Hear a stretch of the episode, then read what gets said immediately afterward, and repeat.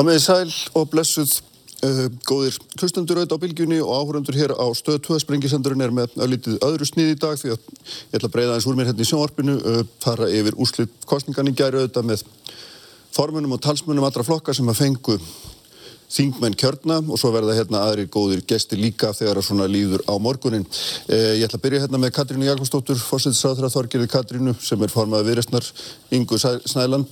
Er eh, formans Flokks Fólksins og Haldra Móhansson sem er talsmaður Pírata. Sælir allar, velkomnar. Takk, takk fyrir. Takk hérna. Hvernig hafið þið það eftir nóttuna? Er þið allar káttar og glæðar? Bara vel útsopnar, aldrei litið betur út. Nei, það, það er bara þannig sem það er. Ég þakka vel fyrir sparsli sem ég. Ég bara verða við ekki það. Já, Inga, þú brosi breytt. Það er hérna alveg ljóst. Ég bara get ekki sofið fyrir brosi. það er bara búið að vera fast á mér. Já, Já þá er nú búið að bara telja þig af, held ég, fram á síðustu dag. Já, það er nú bara að maður verða vanur því. Já. Það hefur æfilega verið svo leiðs síðan að við byrjum að, að vera í kostningabartum. Við vonum til dæmis tvöfölduðum fylgi okkar í síðustu kostningabartu frá síðustu könnun sem var gerð. Nú uh, alveg svo í borginni. Við vorum aldrei inni með neitt þar en eigum hennar glæsilega borgarfjöldrúa, einhvað síður. Nú nóttinni nótt sínir það að okkur er treyst og við njótum ótrúlega mm. mikils tröst. Hvernig stendur á því að fólki svarar aldrei inn í könnunum? Já, gæti ekki verið að þetta eru netkannanir og það er stór hópur þarna sem tekur ekki þátt í því sem mm -hmm. heitir eldra fólk. Það hefur verið skilið eftir algjörlega út á jæðrinu hvað var það þessa stafrænu þróun og annars líkt og, og, hérna, og er ekkert rosalega sátt með allt sem heitir punktur is. Þannig að, að það er nú kannski ástæðan að ég hef haft á tilfinninguna við ættum huldu fylgi og, og bara er ótrúlega þakklátt fyrir það. Aha. Katrín, hvað hérna, beinast auðvitað margra ef ekki allra sjónir að þér? því að hérna, ríkistjórnin held velli en þú tapaði tölur fylgi á síð þremur þingmönnum og umtalsverðin próstufjölda hér og þar henni tveir styrtus í báðir Hvað verður? Já, þetta er nú þannig, í fyrsta lagi þá er þetta náttúrulega mjög merkilegt að mm. ríkistjónin heldur bara mjög vel mm -hmm. sínu já, já. og fyrir utan að þetta er fyrsta þryggjaflokka ríkistjónin sem líkur heilu kjörtímabili þá er þetta auðvitað tölverð tíðindi tel ég vera mm. að ríkistjóðin fáið þennan mikla stöðning. En ekki fara svona mikla krísugulega því sem ég var að spyrja þeim? Nei, en ég hérna, vil bara segja þetta þetta skiptir báli og síðan vil ég segja það líka að við fáum 12,6-12,7% af fylgi missum eitt þingmann frá núverandi stöðu því það má ekki gleyma því að þegar til þessara ríkistjóðna var stofnað mm. þá mistum við í raun og veru tvo þingmenn sem strax já, já. Uh, lístu andstöðu við þennan stjórnarsáttmála. Þannig að svona ef við horfum á raunhækjörfið þá erum við að missa eitt þingmann. Þetta er miklu betri árangur en kom fram í nokkur í könnun í aðdraðanda mm. kostningana og við fundum mikinn meðbær á loka metrónum þannig að mér líður bara daldi vel já, í upphafið þessa dags. Þannig að þegar við horfum á raunhækjörfið líka þá getum við líka sagt þú ert bara með átta Já, já. Það er bara staðan og hinn er bættu við sig sem er í ríkistjórnunni. Já, framsóknu þetta bættu verulega við sig og, og ég man nú ekki hvort sjálfstæðarlokkurinn er óbreyttur eða bættir einu við sig. Allavega síðast þegar ég sá þá var hann, já, að heldur sínu mjög vel. Já, já, hann held sínu. Já, en einhver áhrif hefur þetta ekki? Þetta hlýtur á einhver áhrif á stöðu þína vegna að, að hérna, baklandið þitt var ekki sátt við það að vera í ríkistjórn með sjálfstæðarflokknu. Nei, ég menna þegar ég fer inn í þessa ríkistjórn þá er mér spáð því að flokkurinn muni hverfa Aha. og ég auðvitað tek mikla pólitíska áhættu með því að fara í þennan leðangur og ég gerði það mm -hmm. að því að mér fannst mikilvægt að horfa til lengri tíma og mér fannst mikilvægt að hafa ákveðin áhrif á stjórnmálinu á Íslandi mm -hmm. og þegar ég horfa á þessa nýðustur þá segja ég býtu Ég held að þessir ágættu mm -hmm. aðlar sem spáðu mér tortimingu, þeir hafi nú ekki eftir eitt fyrir sér. En hvað sér þið fyrir þeir næstu fjóru ánum? Sko nú er þetta bara að teka við þessi dagur þar sem að fer yfir, ég, sko lokatöluna voru að koma á þann, Kristján. Já, já, þú ert búin að sjá stóra myndin Já, já, stóra myndin líka fyrir já, já. og hún er í raun og veru betri en eins og ég segi kom fram í mm. könnunum, já. þannig að nú munum við bara hittast í dag, nýjur þingflokkur, ég er að fá í nýja þingmenn og hérna farið við stöðuna. Já, en þið, hérna, hvað segir þú Þorgir um þessa stöðu? Þið gerðu harða alluga ríkstjórninni, kyrstöðustjórnina, Ég veit að Katrín samþykir ekki þessa nafngift, já, já. en þið hafðu ekki einhvern veginn sem er við þó þið hérna, viðreist fæðist aðeins upp. En... Mér finnst alltaf gott að þú mm. tekur upp mér. Hún mun segja þetta. Já, við, við bættum við okkur, sko. við, það er bara þrý flokkar sem bæta við sig á þingi, það, það er við með 1,6 og 1,9. En stjórnareinsteinu tekst náttúrulega yngan Nei, bara það var frábært að fá að klára, Kristján. Ég, hérna, og það, síðan er framsókn og framsókn er sigurvegari alveg með miklu brafur. Við bætum við okkur einu þingmanni og erum að fá glæsilega fullra frá landsbyðinni uh, frá, frá vestfjörðum, hann Guðmyndur Gunnarsson er að koma inn og það er jákvægt, við erum að styrkja okkur á landsbyðinni, fá þingmann þaðan.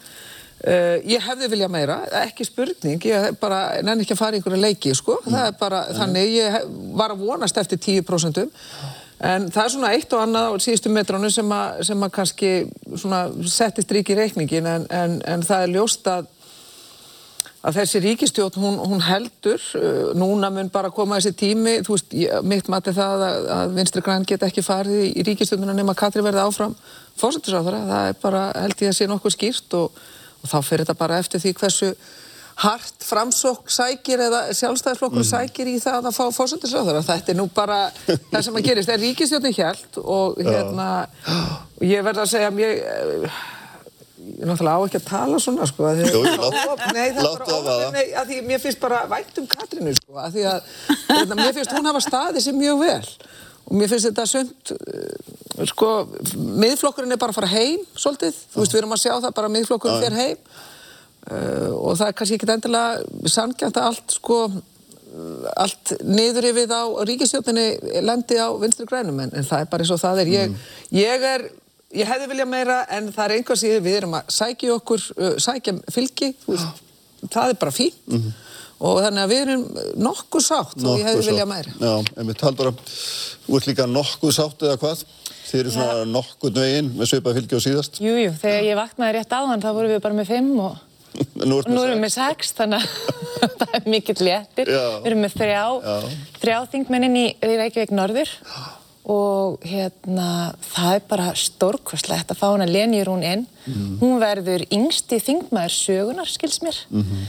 um, það er að segja kjörinn uh, þingmaður uh, sérst kemur inn sem fulli þingmaður en ekki varaþingmaður, ég veit að það var eitthvað varaþingmaður sem kom inn sem var yngri. Og, og svo skils mér að það sé meiri liti konu núna líka. Já, 32 konur, þannig að Þetta er staldi hér. Ég segi það með öðrum sem að náðu bara árið. Þannig að það eru ótrúlega góð tíðindi við bara horfum á það jákvæða. Þetta, þú veist, er, er, er leiðilegt að mér finnst það erfitt að sjá sjálfstæðisflokkin svona stóran áfram og, og sjá fram á það að, að það verði áfram hérna einhver svona íhaldsstjórn. En mögulega er hægt að plata framsókn yfir í eitthvað bjartari, eitthvað bjartari tíma, ég veit það ekki.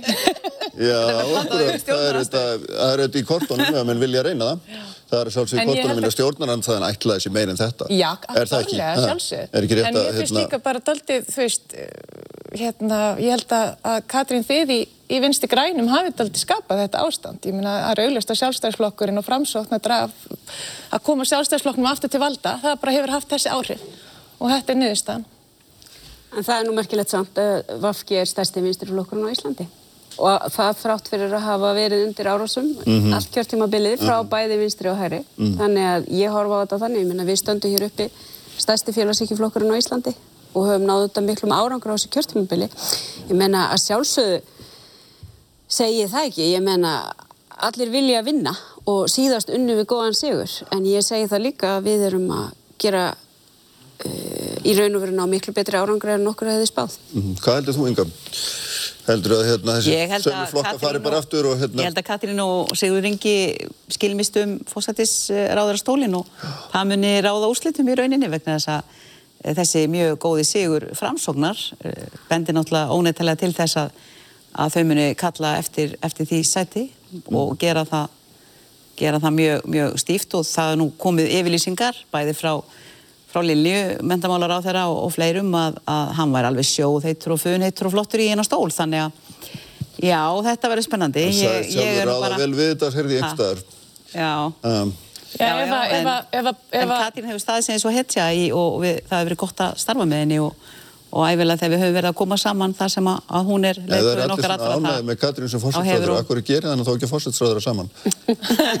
sko, ef við bara, bara klára þetta hérna. Svo maður líka bæta því við að, ég meina það er alveg útlitt fyrir það að nú er ásmundur einar, hún hefur gengið stórkostlega vel og framsóknir er auðvitað svona sigurvegarinn í þessu ásamti hérna, Ingo og Flokk Fólksins, að ef, ef ásmundur einar vil vera barnamála ráður áfram eða félagsmála ráður áfram og og langt þess að standa við allir þessi flottu kostningalofur þar sem hann er að tala um að loksins taka bara örgja og eldriborgara og, og bæta þeirra kjör. Hann, hann komst ekki í það á seginasta kjörtímabili. Þú veist það var bara, hann náðu ekki að gera það þessum fjörum, hann talar um að gera það núna að það er alveg augljóst að það er ekkert að fara að gera sem í sjálfstæðisflokknum. Þannig að það er bara ég, sjálfstæðisflokkurinn hefur engan áhuga á því. Já, ég held að ásmundur einar hafa bara tvöfald að fylgja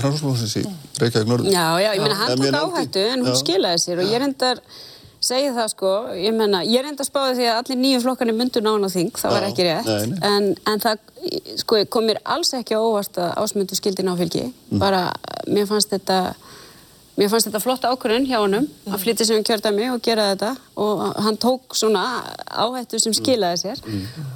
og svo kom mér það ekki óvart líka að miðflokkurinn skildi lendinni þó að það hérna, stemdi nú ekkert í það framann á nóttu, þá kom það mér nú ekki óvart, nei. Nei. Nei. Það komir heldur ekki óvart að sósalistar skildu ekki ná. Ég... Það var nú bara öllum konuna fram á síðasta dag. Já, ég held nú að greininga konuna, eins og ég segi, eins og ég segi, sko, sko sós, eh, greiningafyrirtækin eða þurfa að fara að greina sig sjálf, svolítið, eftir þetta. Ég held að það sé pílið... Greiningarfyrirtæki, greinir sig sjálf. Já, ég held að það er svona kannski væri, við erum að fara í ákveði verkefni, ég held að þau þurfi svolítið að taka, taka boltan líka. En það er mjög merkilegt, sko, við byrjum 10% en fáum 12,6 eða 7 sko.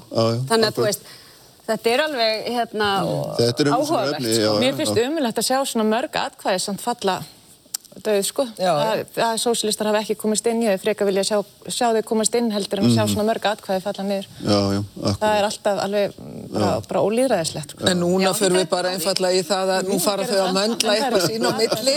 Það. Er bara þannig og þau, þannig að allir haldi haus og, og hérna ég myndi ekki verðja mörgum flöskum á móti því að þessi ríkistjón haldi ekki áfram. Nei, en, en hva, þetta snýstu um það að, að Katrin geti með þá svona tilturlögur reist verið áfram fórsettisráð ráðherra, eins og ég segi.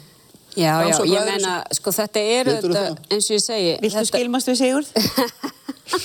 um stólinn? Ég hef nú skilst við marga kalla um æfina og já, þú fær nú létt með það. En hérna, en þú veist, nú er þetta bara, ég menna það sem ég finnst bara merkilegt er þessi góði stuðningur sem ríkistjónin fær. Já, en Mér... hvernig ætlar að nota hann, Katrín? Hvernig ætlar að nota hann? Já, það er einmitt það, sko, að ég nefndi hérna á þann að við tókum þessa umdeltu ákvörðinu síðast og okkur var spáð því að hún myndi raun og vera að ganga á okkur döðum og held ég að við höfum nýtt sko okkar fylgi síðast mjög til góðs fyrir mm. samfélagið og nú þurfum við bara einmitt að meta þessa stöðu hvað hérna, hva tekur við? En ég hef svolítið gaman að sko, 90% sjálfstæðismanna vildi hafa hana sér fórstsáðra en 70% vinstri græna vildi bara alls ekki sjálfstæðismanna.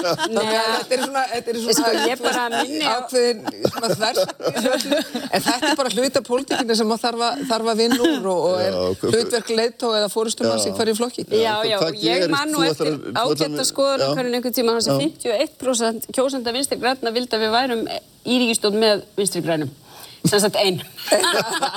það var könnun sem kom mér einhver tíman og þá hugsaði ég þetta er nú mjög auðvelt að byrja þessu. En hvað gerist í dag? Þú hitti þingflokkiðinn nýja og Já, hérna, ég ætla að hitta hans setni partinn. Hvað svo, hvað svo? Og svo ætla ég að fara og borða með fólkin okkar í Reykjavík. Það er auðvitað búið að standa sig frábælega og ég bara ætla að fá að segja það að það er náttúrulega búið að vera Þetta er búið að vera skemmtileg kostninga bara á það mm. og hérna...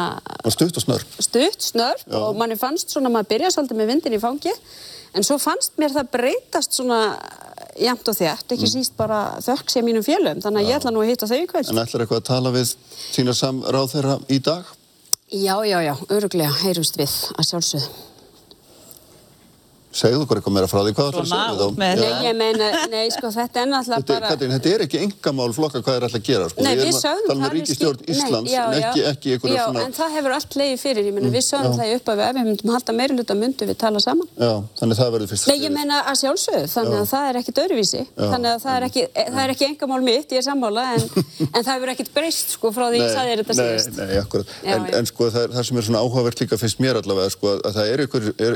er það er er það það, það er það er síðustu dagana tvo-þrjá daga sem eiginlega snýr öll á kolf mm. miða við það sem við heldum. Mm -hmm. Vist, við heldum öll að sósjálistar væri inni, við heldum að Inga væri miklu meiri vandræðin en hún var í. Uh, hérna, Fransvöldumfólkurinn væri að fá miklu minna heldur en reyndin var sem að nefnum nokkuð dæmi. Já, sko. já, voru þau nú ekki samt að þau voru hátt í konunum, sko. Jú.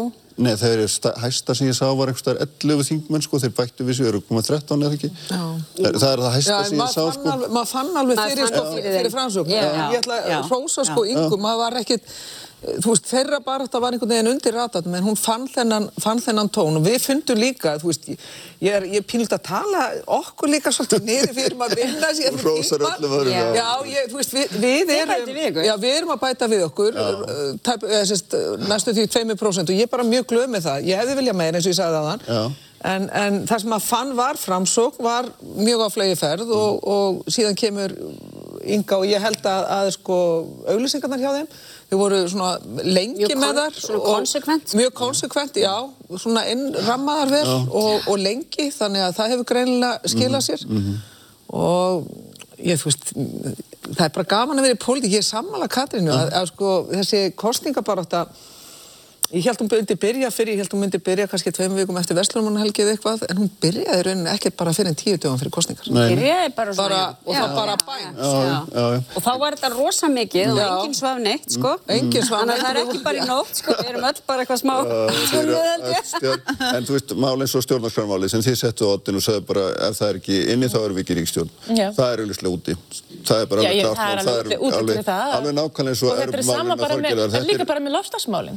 er líka. Er þau úti líka? Já, nei, mér sýnist þeim hafa verið aldrei hafnað. Ég meina þeir flokkar Já. sem lögðu mestu áherslu á lofslagsmáli. Uh -huh. Þeir fengu ekki, þú veist, breytargengi. Við, við hjúkum við okkur, já, við hjúkum við okkur já. og veist, það er það að framsóknu sjálfstæðsflokkurinn séu staðistir og ég meina ynga flokkur fólksins, þið voruð ekkert að leggja neina gríðarlega áherslu á lofslagsmálinn. Mm. Þetta bara sýnir, þetta er líka. Þetta er áhugjefni. Mm. Hvað segir þú um þetta, Katrín? umhverfisvendaflokkur sjálfur, vinstri græn. Kannski daldi bjart sín að þýleiti að mér fannst nú mjög jákvægt hvað sko flestir flokkarna tóku loslasmálun upp sko. Mm. Ég menna auðvitað segi ég, ég menna við teljum að við höfum gert mest og okkar stefna sér mm. best og en það sem ég, mér finnst sko ánægilegt er að, að sko flokkarnir tóku þennan málaflokk miklu alvarlegar mm. en fyrir fjórum árum. -hmm. Uh, voru margir með mjög metnaðarfella stefnu og þetta var orðið svona kjarnatrið hjá flestum flokkana. Þannig að ég ætla nú aðeins að... Það voru bara þrý sem hafa voru með metna að finna stefnu. Já, já, já, og ég var svo sannlega einn af þeim. Já, ég er að segja. Við skoraðum mjög vel, píratar og viðröðsni því. Já, við vorum skiptum þessu mellum. En það breytir því ekki, sko, lofslagsmálinn eru orðin, sko, megin strömsmál í íslenskum stjórnmálinn. Og það eru þetta breyting, en það er líka nöðsynlega breyting. Því annars bara eru við ekki á góðum stað hvað þetta mikið á málverð metnaðafull Það er prinsipatrið fyrir okkur. Já, ég meina, þú myndir ekki fara í ríkstjóð sem var einhverstað annar stað. Þetta var hægt með sjálfstæðismenn. Nei, ég meina, það sem hefur gerst í lofslagsmálum á Íslandi hefur gerst þegar vinstri græn hafa haldið um þessi mál. Já. Þannig er nú bara... Mikilvægt skrifi sem við getum tekið í lofslagsmálum er að svo ríkistjóð sem tekur við, ef okkur er alvara með þetta, mm. að hún sé samstíga um það að færi róttekar aðgerri í loftslagsmálum. Það þýðir ekki að segjast mm. vera uh, að setja loftslagsmál hérna á ottin og, og bara vita það hversu mikilvæg málflokkur það er og ganga svo í ríkistjórn með flokkum sem eru bara með fallengun og er í raun og veru bara alveg sama um, um þennan málflokk. Mm. Það voru líka fróðlegt að segja hver, uh, hver afdrif miðhálfandistöðugars verða þessari sömu kistu þessari sömu ykkur það það er ekki engamál þitt segja nú bara þú þykist lítið að það kæmst ekki neitt með það já já, við skulum sjá með það hvernig lest þú landinga, hvað ætlað þú að gera því þú varst talin af, nú ertu komin bara með fína stöðu, þú getur mér sér að komin bara í staði fyrir vinstri græna þegar maður er skoðin svona úr snörunni maður er talin bara af, þú nei,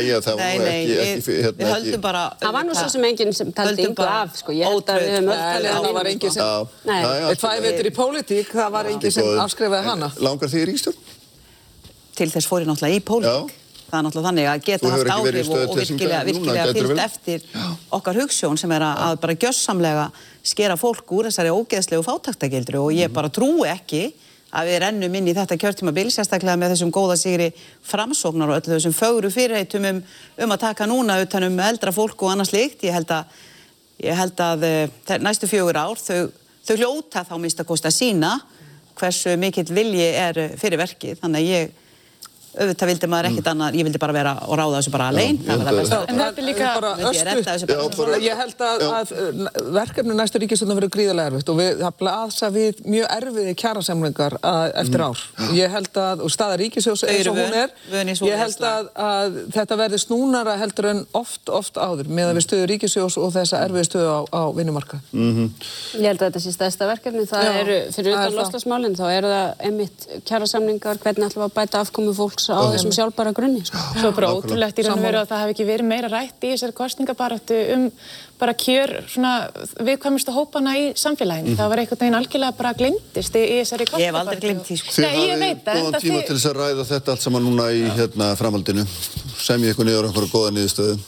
Það þýr ekkert að glotta núna, þú verður að segja hvað þetta er að gera. Heyrðin, takk fyrir að koma alla fjórar. Ég bara er að brosa til þér, líka herri.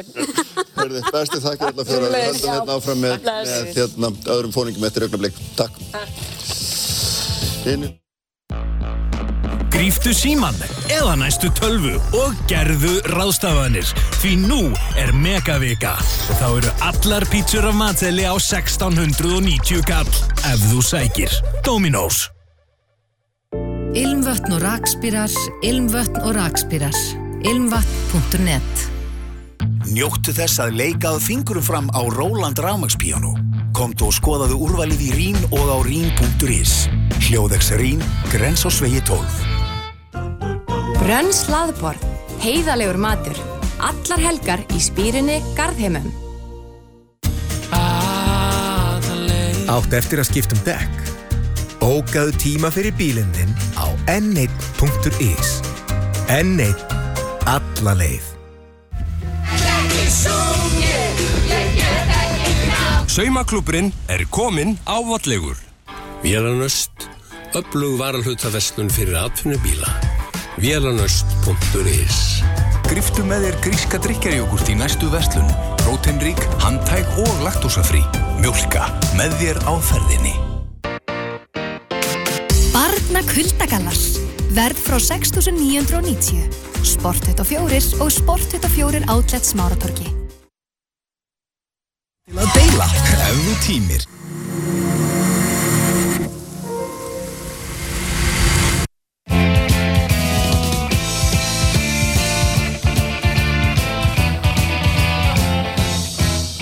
Já, sælastur hlustendur á bylginni og áhundur hérna á stöð 2. Uh, Sprengisendurinn heldur áfram við vorum hér með fjóra talsmönnum flokkana. Nú er það þrý bæst við Lagi Einarsson, Sigur Ingi Jóhansson og Bjarni Bendinsson.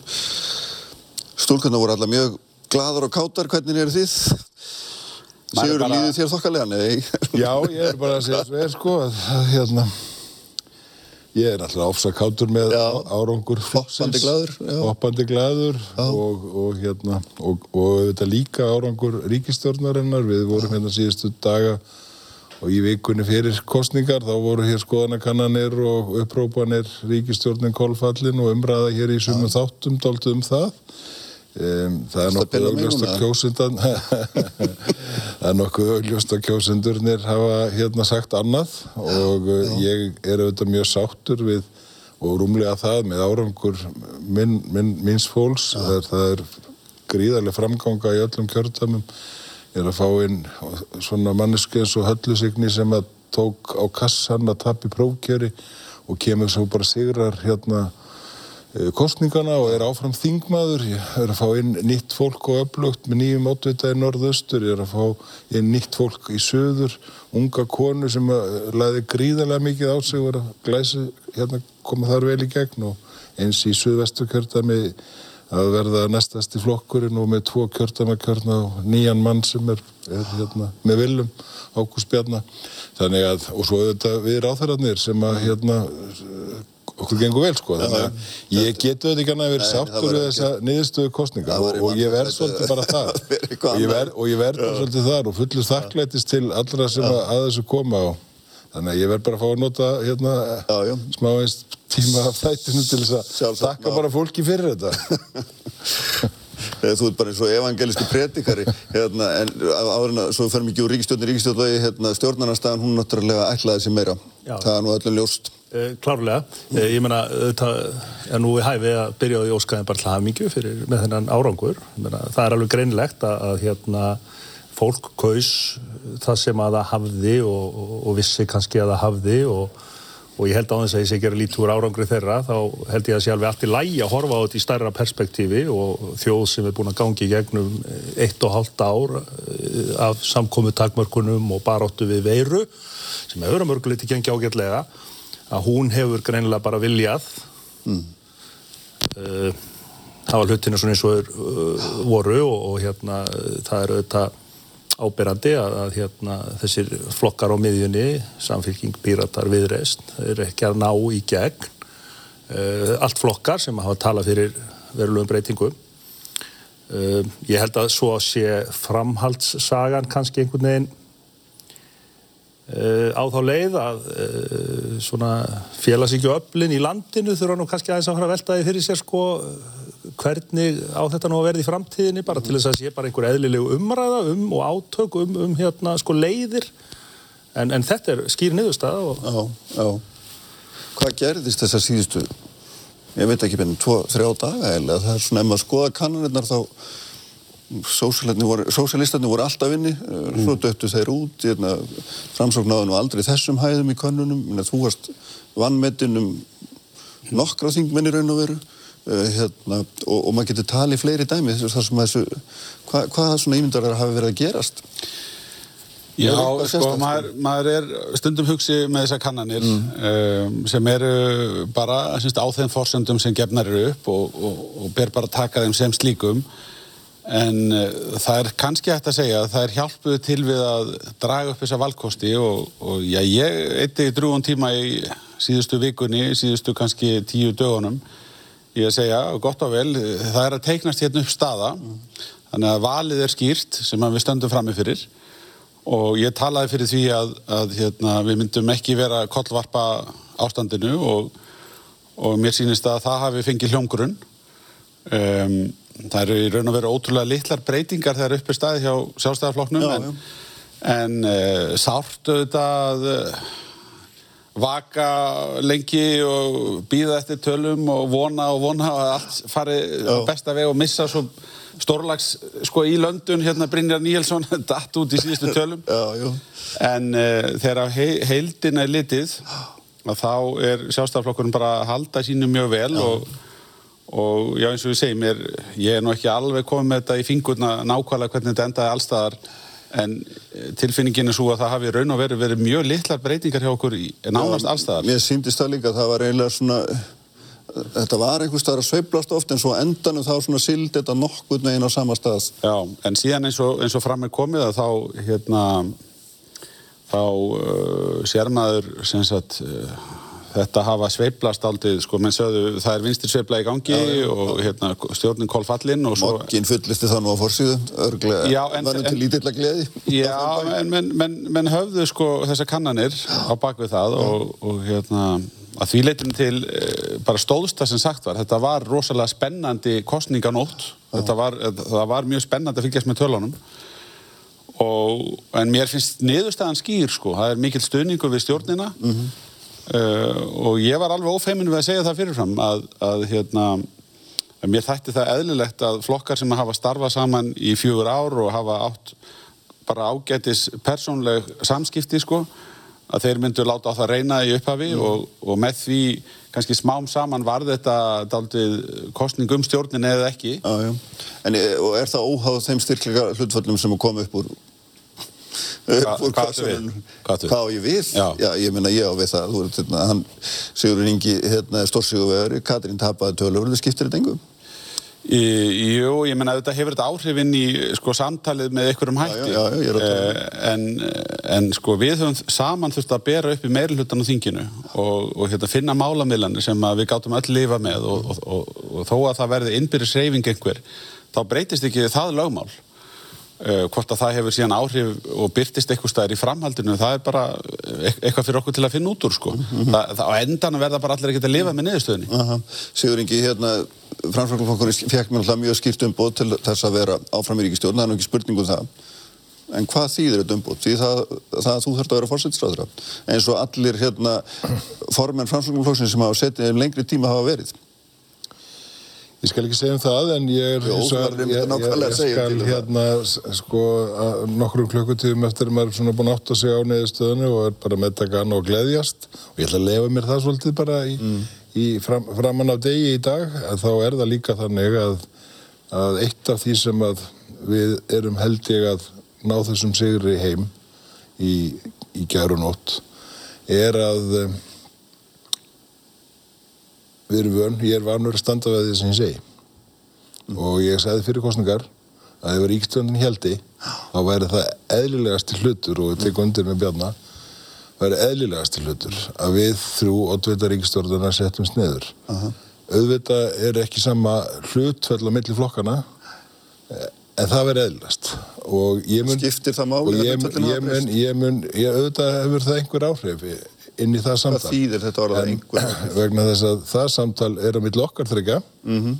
Já, þetta er nú Ríkstjórn Íslands, ekki bara eitthvað þryggja sko Nei, en, en, en hún skiptir máli mill okkar Já, ég, Alveg á, alveg á nákvæmlega sama hátt eins og það var fyrir fjórum árum Já. þá settust við líka neður Já. og þá voru líka einhver neðustad eftir einhverja kostningar og þá fundum við leið og það er eðlilegast að gera það aftur mm. en auðvitað er það eina af niðurstöðum kostningana að framsvonarflokkurinn er enn og ný orðin leiðandi afli í íslensku stjórnmálum mm. með sterkast stöði í öllum kjörtaðum. Mm -hmm. Það er búið að vera draumur minn sem formaður síðan 2006 oh. að ná þessari stöðu og ég er auðvitað gríðarlega stoltur af það. Hvað segir þú lögum? Hvað heldur að verði?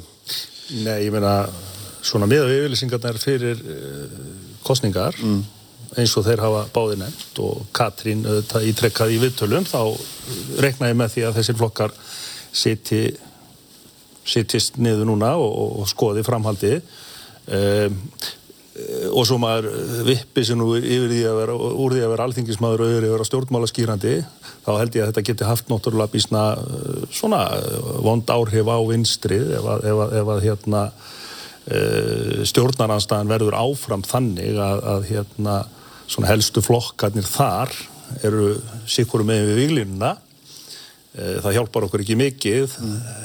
þegar pólitíski nágrannar okkar eru að mm. Akkur reynir þá ekki draga Katrín til ykkar?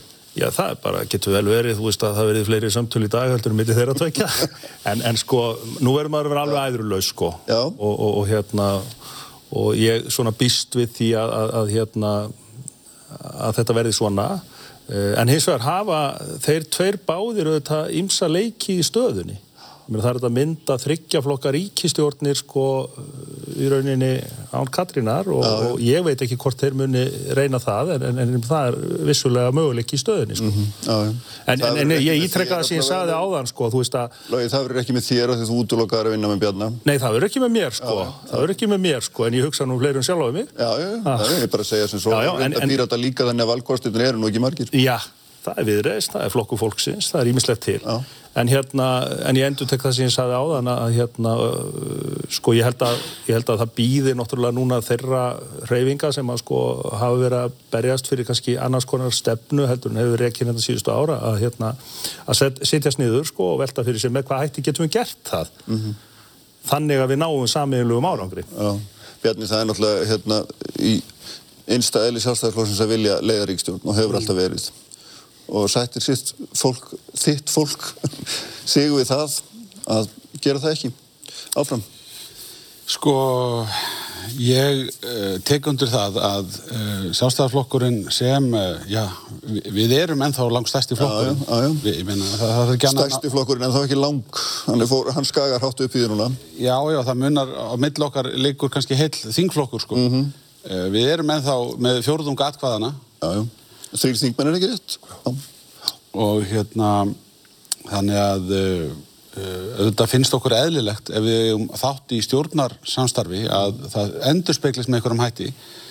Uh, svo verður maður bara, ég hef fyrir löngu síðan sko, ég raun og veru gert það upp sko að, að sko, ég, maður getur ekki sett sjálfan sig alltaf í fyrsta sætu og sagt, þetta snýst núna um mig sko. Mm. Maður fær ábyrðartilfinningu af því að ganga til kostninga og að e, sjá atkvæðan koma upp úr kössunum og maður segir, heyrðu, sko, fyrst að maður er nú að gefa kostu sér í þetta og, og hérna, þykist geta axla þá ábyrð að vinna með niðurstöðuna, mm. að þá þarf maður að gera fleira heldur en að setja sjálfan sig í fyrsta seti. E, það breytir því ekki eins og þú segir að, að það þarf með einhverjum hætti að endur speiklast e, að maður hefur styrk og stuðning frá kjósendum mm. til þess að vera í þessari stöðu. Átvita sæti í ríkistjórninni, við sömdum um það síðast og það byrtist síðan með því að við vorum með flesta ráþæra í þessari ríkistjórn og, og var ágætis sátt fannst mér á þessu kjörtíðanbili og, og nú er bara komið að því að, að, hérna, allir taki sín spil til sín sem að kjósundu gáði þeim og, og við þurfum að setjast niður aftur og segja ja, hvernig getum við unnur þessu. Mm -hmm. Ég mun ekki byrja á því að segja þetta, nú snýst þetta um mig sko. Nei. Nei, þannig að þú væri sáttur við að bara halda alltaf óbreyttu fyrirkomuleg Ég væri mest sáttur við að heyra, sko, heyra þetta snýstu augljóslega um það Bjarni að þú leiðir núna. En, en hérna, ég, ég, en ég, ég auðvitað bara tek mín, mínum örlögum í þessu að, að hérna að það, við stöndum fram með fyrir því að mynda þryggja flokka stjórn mm.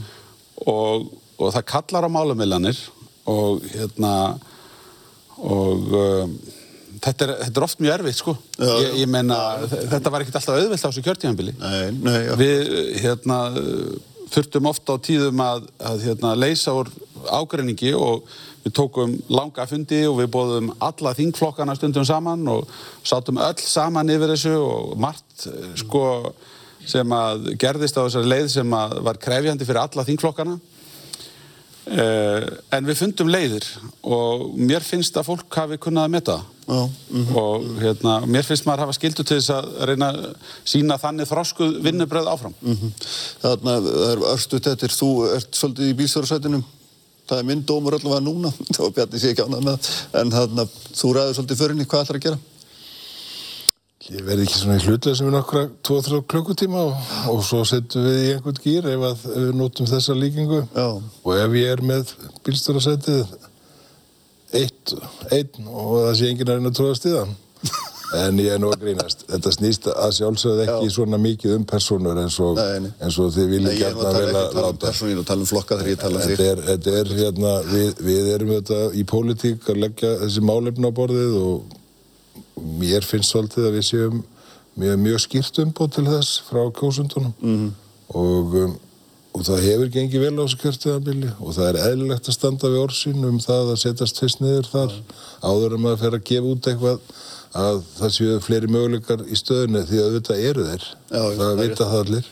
Það verður að koma í ljós bara í dag eða morgun eða hvernig sem er, hvernig þetta gengur allt saman. Því þurfum við að mæta annar stað, veit ég. Já, já. Þú getur átt 5 sekundurlega, eða þú vilt. Rétt að lókum, við getum glaðst yfir því að ég held að við séum fyrsta þingið í Európuðar sem að uh, konur eru fleiri heldur en kallar. Já, einmitt. Það var reyndar óskemmtileg kynjaskipting í þessum þætti en það var algjörlega óviljandi og hérna, ekki lagt upp með það. Þakka ykkur öllum þreifum fyrir að koma og gangi ykkur vel í framhaldinu og hérna við ætlum að gerast þér hérna á Sprengisandurum haldum svo áfram hérna eftir augnablík með nýkjörnum þingmönnum og fleirum.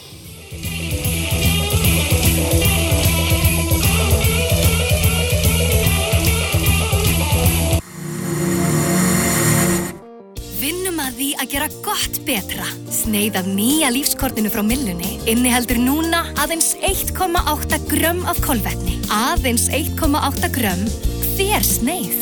Fáðu þér lág kolvetna brauð í dag. Án soja. Fáðu þér lífskort. Þetta í appelsínugulu umbúðinum. Millan. Data Science og Data Engineering. Gagnamistarinn er hægnýtt 6-12 mánuða nám, bæði staðar og fjarnám. Reynsla í rekstrar og fjármála umhverju hjálpar en ekki krafa. Lærðu af þeim bestu í fæinu. NTVF skólinn. ntvf.is 100% endurgreðsla á virðsökarskatti vegna vinnu við íbúðar og frístundahúsnæði. Báðu meistara í verkið. Þú finnur hann á meistarin.is. Meistarafélögin innan samtaka yðnaðarins. Hálkan gerir ekki bóð á undan sér. Tói og harskeladekkin eru örugur og umhverfisveit malkostur og meg að fara undir bílinn strax. Nestek og öll betri hjólparðagstæði. Veitingastæðurinn Fiskfélagið. Unaslegt sushi í hátteginu. Kíktu á fiskfélagið.is Er ekki bara best að gera meira bíó? XB. Framtíðin ræðist á miðinni.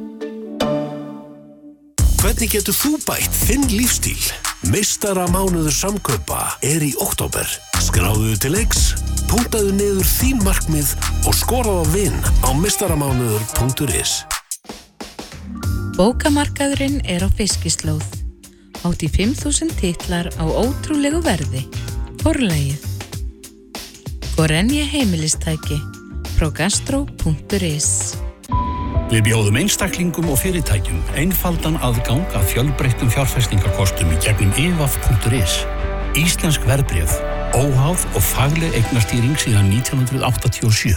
Ertu vissum að þú sért að fá hagstæðustu tryggingakjörin? Tryggingavaktin fær tilbúð í þínar tryggingar frá öllum tryggingafélögum landsins. Tryggingavaktin á tryggir.is Helsuvara vikunar á bylgjunni er Núbria.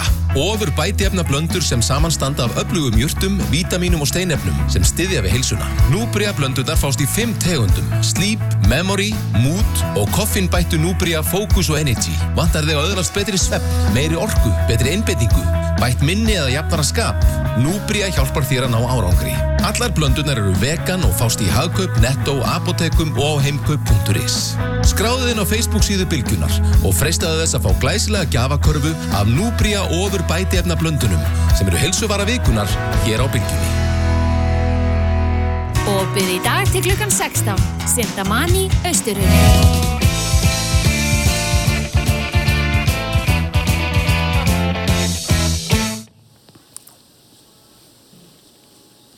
Sælir eftir hérna, áhörfundur, áhörfundur og hlustendur auðvitað bæði á bylginni og stöðtvö höldum áfram hérna á Sprengisendunum og verðum með ykkur fram til klukkan 12 að venju.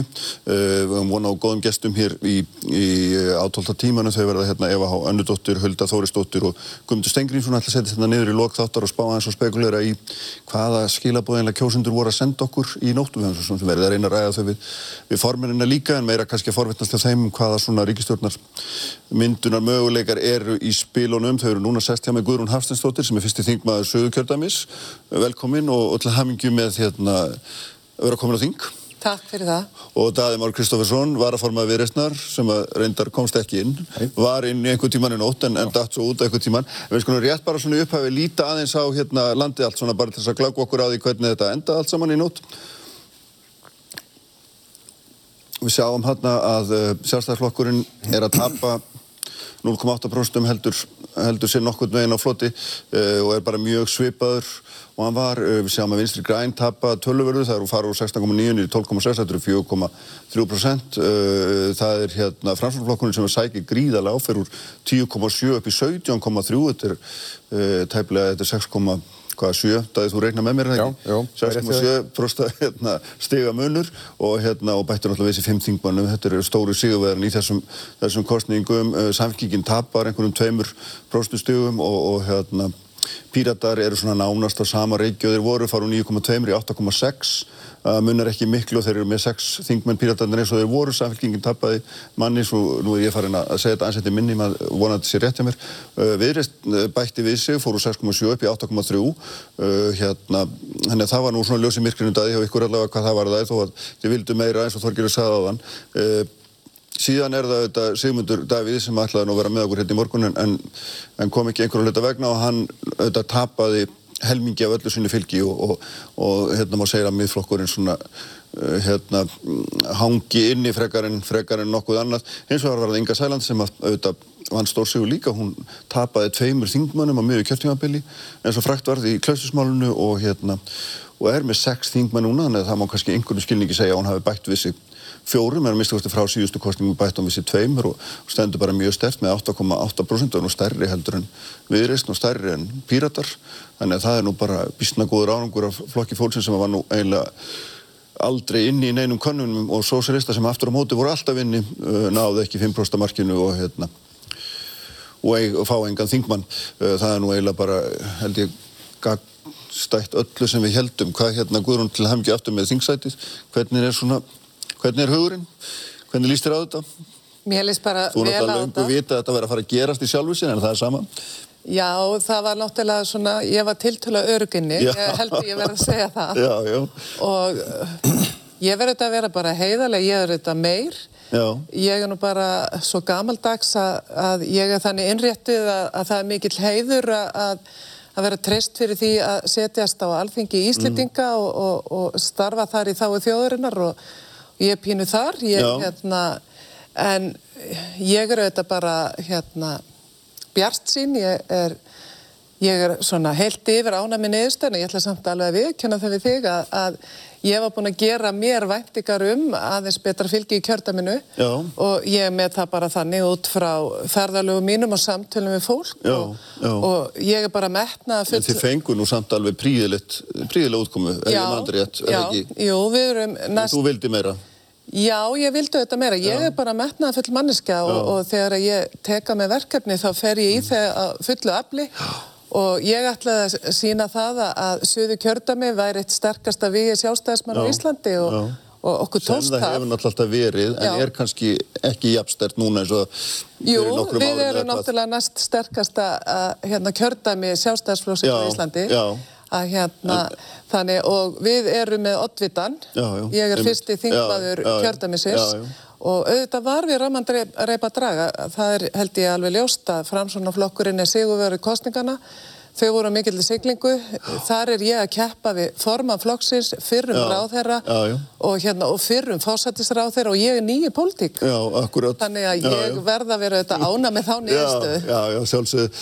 Daði, hérna, þú hefur verið sko skeligur talsmaður, hérna, einvisa viðhorfar sem að fengut aldrei svona langt nefi í þessum kostningum Evropasambandi, breytingar í sjáur, við höfum rætt þetta margsinni. Já, já, við höfum gert það. Og hérna, hva, hvernig tólkar þetta? Já, sko, það er náttúrulega ekki verið að kjósa greina um meinar róttakar breytingar. Nei, nei, þetta voru eitthvað höfum á benda til þess sko, en já, já, eh, sko, Sigurvegar kostningarna eins og þú bendir á er framsóknarflokkurinn mm. en, en ég myndi nú kannski ganga svo langt hér í Reykjavík að segja að Sigurvegar kostningarna sé ásmundur Einar Daðarsson uh, sem hefur náttúrulega sitt sínum störfu mjög vel og, og, og uppsker eftir því. Um, Já, sko, þú segir talsmaður breytinga og, og það var ekki ofan á en við bættum nú samt við okkur. Þannig að í rauð þessara flokka sem bæta við sín núna millir kostninga eru við þarna í þrýðasæti uh, en, en þetta er svona Eh, ég hafði metnað til þess að komast inn á alþingi, það hafðist ekki. Já, nákvæmlega. Ég verð bara að halda áfram að koma í þáttin til því sem sérfræðing. Já, velkomin alltaf. En, en, þarna, en samt sem áður, ég meina stjórnar anstæðin í heilsin og lítur á það, sem gerði allu þessari ríkistjórn á svo margvísluðum fórsöndum. Tókst það ekki? Nei, það bara enga veginn. Hún Nei, var eins og fluga bara sem flögst alltaf fluga. Vi, vi, Eða hvað? Við og flokku fólksins höfum erindi sem er við, sko, en það er ekki. Og, þetta er auðvitað mjög aðtilsvært. Já, já, en ekki til þess að hrópla við megin starðunum. Það lítur ekki út fyrir það að Íslendingar kusum með óbreyttu ástandi. Mm -hmm. Það er það sem þeir vildu. Mm -hmm. Þetta er bara heil líraðislega ferli. Já, Guðrún, þú ert náttúrulega hérna seistur að nýja þingið, þú ert náttúrulega hundvöðan félagsmálamannskja, var til að formaða samtakaðina en eins og hefur þetta verið á opnbjörn vettfangi þó hefur ekki verið í, mm. í stjórnmálum. Eina, er þetta að flytja það með þér inn á þing þessa svona, hvað á að kalla það, þann málflutning sem þú er haft þar eða, eða hvað, Hvernig lítur á það? Sko ég hef verið spurðað þessu nokkru sinnum og, og hérna það vita auðvitað allir hvaðan ég er að koma. Já, já. Ég er alveg upp í enga fyrirtæki, ég hef starfað þar alla æfi, ég hef verið síðustu tíu ári hagsmunabaratu fyrir atvinnulíf á Íslandi. Ég mun ekki hætta því. Nei. Nei. Ég, hérna, ég bara trúi því staðfastlega að við byggjum okkar velferð og öflugu atvinnulífi mm -hmm og, og við verðum að búa svo um nútana að fyrirtæki hér geta blómstrað og þau vilja setja sig hér niður. Og ég er mjög bjassinn fyrir framtíð Íslands hvað það varvar og eh, ég er auðvitað bara með í mínu DNA mengi svona hjarslátt atvinnlífs og þú mm. tekur það ekkert svo öðvöldlega úr mm. stelpunni sko. Nei, finnst þér svona þessi kostninganiðurstaði heilsinni hún vera einhvers konar svona rauðdreigir fyrir því til dæmis að íta þessum sjónamiðum áfram mér að hvernig tólkar þetta svona í heilsinni? Sko ég teku undir með daðam á að við verðum auðvitað bara að virða niðurstöðu þjóðarinnar og ég held að, að hún sé þarna sko eigur ríkistjórnin við þingstyrksinn mm -hmm. og stuðningurinn eikst þannig að það er ekki takt að líta fram hjá því að ég held að fólk hafi verið að senda þau skilabóð að þeim hugnist þessi ríkistjórn áfram mm -hmm. Og því er hugnast hún eða hvað? Já, auðvitað sko, ég held að sé alveg þreita, sé búin að vera ákveðin þreita og við fundum þá núninga í kostningabarottinni, ég held að sé þreita svona hægra meginn hjá okkur mm -hmm. gagvart kannski eh, ákunnum hlutum í vinstrinu og því er já. alveg hérna og öfugt væri heilnægin sko já, já, en, en samt sem áður ég man alveg uh, sem sagt fyrir fjórum árum þegar þessi ríkistjóða mynduð að, að þá var ég ásand mörgum örum ákvæmna efasendir og okkur tækist einhvern veginn að vera með þetta vinstrið alveg og hægrið alveg og svo þessa uh, rólegu miðju. En uh, ég held að, að það myndi steit á skeri en það gerir það ekki. Og ég er líka kannski þeirra skoðanar að ég held að COVID hafi kannski komið í vekk fyrir það. Mm -hmm. að COVID færði bara ríkistjórninni þannig verkefni og hún þurfti bara að standa saman og Hætti að vera í pólitík og fara í neðragrið Já, seti bara undir sér hausin og fara í gegnum þetta. Mm -hmm. Og það eru þetta gríðilega Finnst þér staðan vera núna öðruvís heldur um varfið fjórum árum? Möndu þegar að Bjarni kemur og segir að við viljum halda áfram vinstur grænum og þeir verða með heilbriðsmálinn og fjármálinn þá ætlar þú að segja já, takk eða hvað? Veistu, við erum bara ekki komið þánga en auðvitað en auðvitað hlýtur það þessi flokkar hljóta taka þessi skilabót til sín frá þjóðinni mm. og það verður óabyrt ef að þeir allavega settist ekki niður mm -hmm. og myndu svona allavega taka samtalið og, og gætu við hugsað okkur þetta áfram aha, aha. Hvernig sér þetta hérna, það er svona Já sko það hefur auðvitað verið ákveður núningur og, og við höfum verið að koma inn á þessa fleti og sérstaklega kannski snúaðir að heilbreyðiskerfinu og hvernig heilbreyðiskerfið er rekið, hvernig heilbreyðiskerfið við viljum sjá og, og hérna ég tek undir áhyggjur guðrunar því að, að uh, það hefur verið áberandi núningur þar. Við höfum uh, verið einn af þessum flokkum sem er nokkuð efins um þessa ríkisvæðingu kerfisinn sem hefur átt sér stað undir þessa ríkistjórn og ég held að væri óheil að skrefa að halda henni áfram Uh, og við sjáum þar vandamál sem að uh, e, þarf að leysa. Uh, en, en auðvitað ég ken hvergi að því borðið þannig að ég vona bara að Guðrún verði þar málsvari skýrsælega sjóna með það veg, vegna þess að, að, að þarna er komin upp ákveðin kreppa.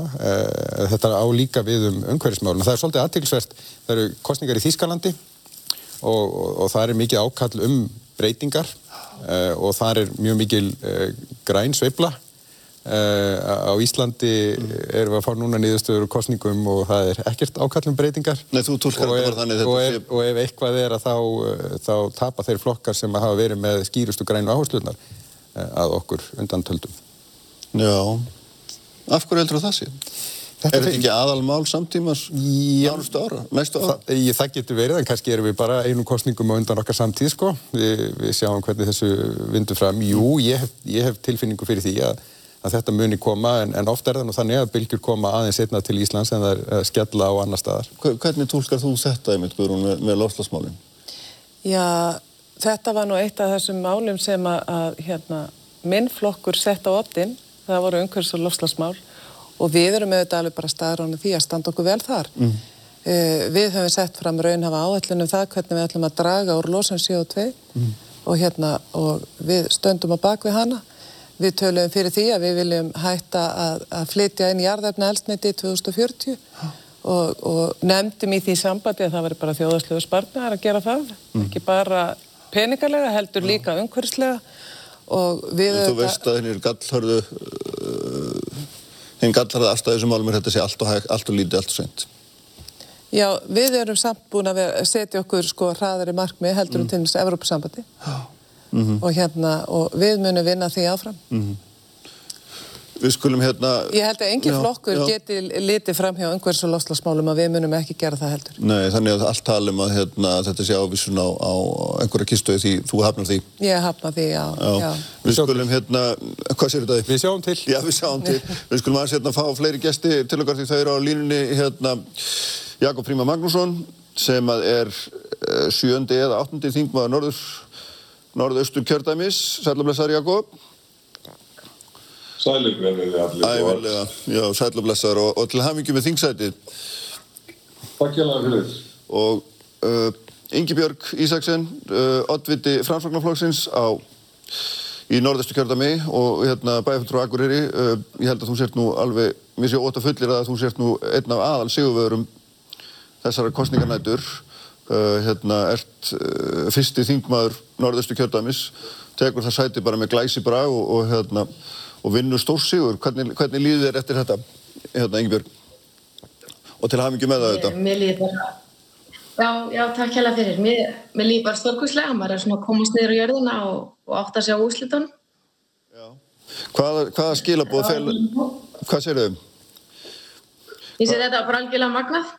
Já, ég trúi því. Hvaða skilabóð fela þessi úrslit í, í sér gagvar til dæmis þínum flokki? Ég held að skilabóðin séu skýr framfram á fullt erindi í ríkistjórn og við erum bara alveg gríðalega ánað og stolt af þessum sigri okkar núna í nótt. Ég bara, þetta er búið að vera þetta, mikil vinna og hópurinn er samhendur og Sigur Ingi er búin að standa særlega virkilega vel og halda vel utanum okkur og þetta bara má segja að það er allt gengið upp með okkur.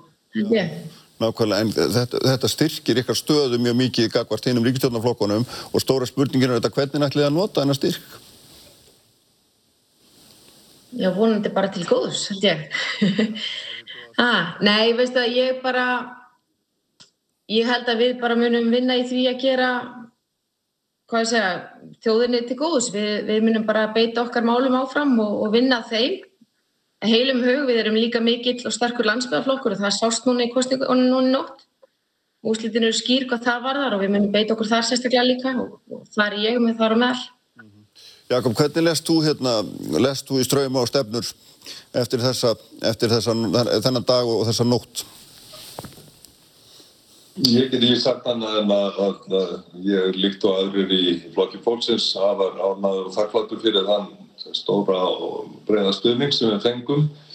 Það er 9% á landsvísu er þetta, segir manni að þessar áherslur sem að lagt var upp með, sem að Inga Sæland laði nú upp með fyrir fjórum árum og hefur talað fyrir síðan í sínum tveggja manna þingflokki. Hún setur nú upp með sex manna þingflokk, príðilega skipaðan og sem betur fer, þá nú stærsti flokkur landsins komin á sömu skoðun og flokkur fólksins, það er að segja sálstæðsmennum farin að tala mjög fyrir þessum áherslum um að leiðrétta kjör þeirra sem hafa verið jáðarsettir allt og lengi. Þannig að ég er bjart síðan á að við náum okkar áherslumálum í gegna þessu þingi og, og menn getur vel við enn allt. Hvenar fórst þú að sjá fyrir þér að þú gætir gætir farið að verða, þingmaður þú hérna, nafnvitt kom svona tiltöla seint fram og kannski frekar óvænt held ég fyrir okkur flest. Hvenna varstu fann að sjá að þú gætir svona átt eitthvað möguleika á þessu? Já, þetta telt í algjör að tvísýna því að það er svo sem ekki neitt struktúr bellinist til staðar. Það voru tveir eða þrýr sem hafði verið hér á listum áður, það maðurst enga við maðurinn á síðasta tingi, en á síðasta, síðasta kostningu segir.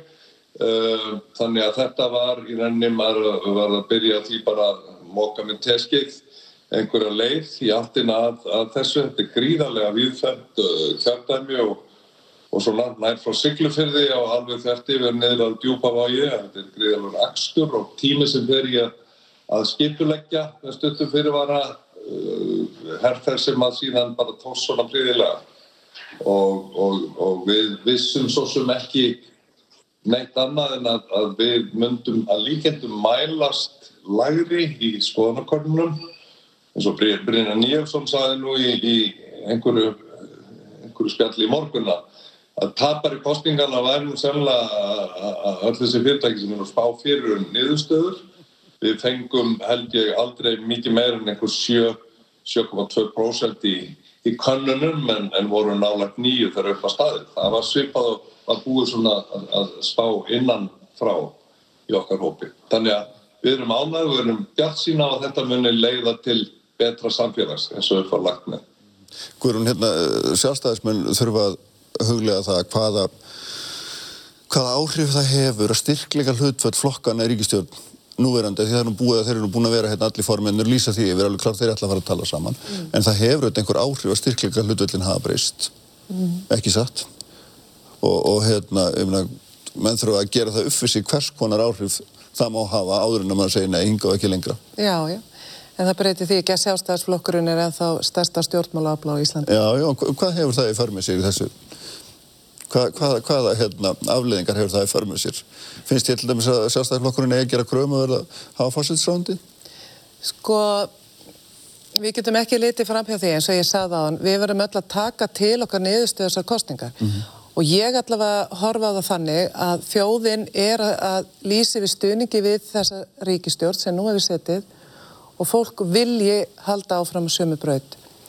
Uh, við getum heldur ekki tort fram hjá að Katri Jakobsdóttir er búin að vera eitt vinsalasti stjórnmálamæði landsins. Hún er mjög vinsal og meðal þjóðarinnar. Ég ætla bara að ítrekka það sem ég sagði í kostingarsjónvarpið rúi nótt en auðvitað vil ég að sjá formannin okkar í mm. þeim stóli. Já. Ég treyst honum mjög vel til þess. Mm.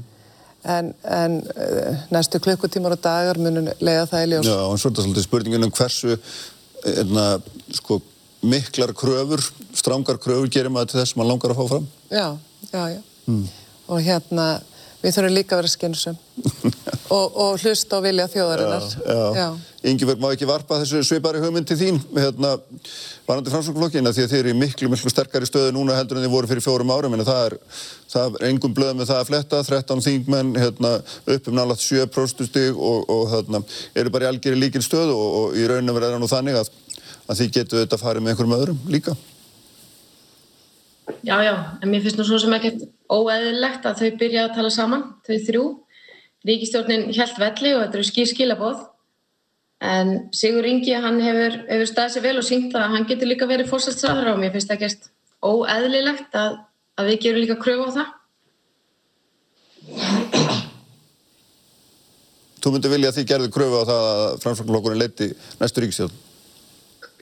Mér, mér finnst það ekkert óeðlilegt. Eh, við erum að fá skýr skilabóð frá þjóðinni. Gríðarlega, gríðarlega kostningarsigur má segja um landa allt og já, við sjáum bara hvað setur, þau eru þrjúvæntalega að ræða saman og, og sjá hvað kemur út því. Jakob, hvernig, hvernig lítur þú á þetta og svona líka hlutverk þínsflokks í, í þessu vegna þess að, ef ekki segja fram að þessu hefum við kannski frekar lítið á flokk fólksinn sem stjórnar andstöðaf, en nú er náttúrulega allt unnur stað að koma upp eða gæta minnst að komið upp. Já, ég hef að segja varandi ráðherrarskipan finnst mér mikilvægast hver velst í fjármálaráðmyndi hverju sinni, hverju hæfastu til þess að vera fórsættisraður er kannski meiri pontus, það er meira svona fundarskjóra eh, hlutverk í mínum huga. Og eftir sóknarvert vafa lítið fyrir marga en, en fjármálaráðanetti er þetta það sem að allt hverfist um á endan og þeir sem eru liðið með fjármálaráðurinn hverju sinni, hvað sem er mentamálaráður eða helgjursáður eða hvað sem er þeir þurfa að stóla á, á aðbylgi hans við að ná sínum málum fram og ég hef eh, taland um framsókn er mjög hrifin að þeirra hugmyndum um ráðunni til skapandi greina. Ég myndi styrja það helsuga, það er þessi langu tímabært að þessi 16% útflutningsteikjum í fyrra eru haugverkartengdar og þetta þessu hefur verið sendt úr einni lítilli skúfu í reysastóra skólamálaráðuneyti sem enda og menningamálaráðuneyti er. Eh, sko ég nota tækifærið að óska bæði framkvæmannum og sjálfstæðismennum til hæfingum en þannig glæsta sigur sem vannst í nótt og ég bind vonum við það að, að næsta ríkistjórn muni leið okkur áfram eigin í góðs og ég treysti flestum sem hafa valist til, til setu á þingi til að ganga til góðra verka. Minnar hamingjórsku til ykkar sem að stærstu sigrana. Við erum tilbúin til samstags við þá sem að hafa þegar líst í yfir að þeir séu okkur sammála í megin atriðum um hvernig er rétt að byrja hlut þeirra sem minnst hafa mellum handa. Það er megin tilgangur okkar. Daði, hvað heldur þú að hafi gerst, ég veit ekki, síðust dagana? Meina þessi tilfærsla sem verður? Já, þessi til augljósa tilfærsla sem verður. Mjög aðtiklisverð þróun og, og sérstaklega... Menn vilja að kenna kannunafyrirtækjanum um þetta, en auðvitað eru þau bara að mæla einhverja stöðu á einhverjum tíma og þau er ágjöndi utanum síðustu fræðingarna vantarlega? Kannanir eru þetta ónákvæmt tæki mm. og það er verið einhvern veginn að mæla hérna, skotmark á hreyfingum með ónákvæmt tæki þá getur, geta skekkjunar orðið bísna miklar þannig að menn hafi ekki fengið það sem var búið að lofa þeim sko, þannig virkar þetta ekki, það er bara einn talning sem eh, telur og það er kjördagur. Mm.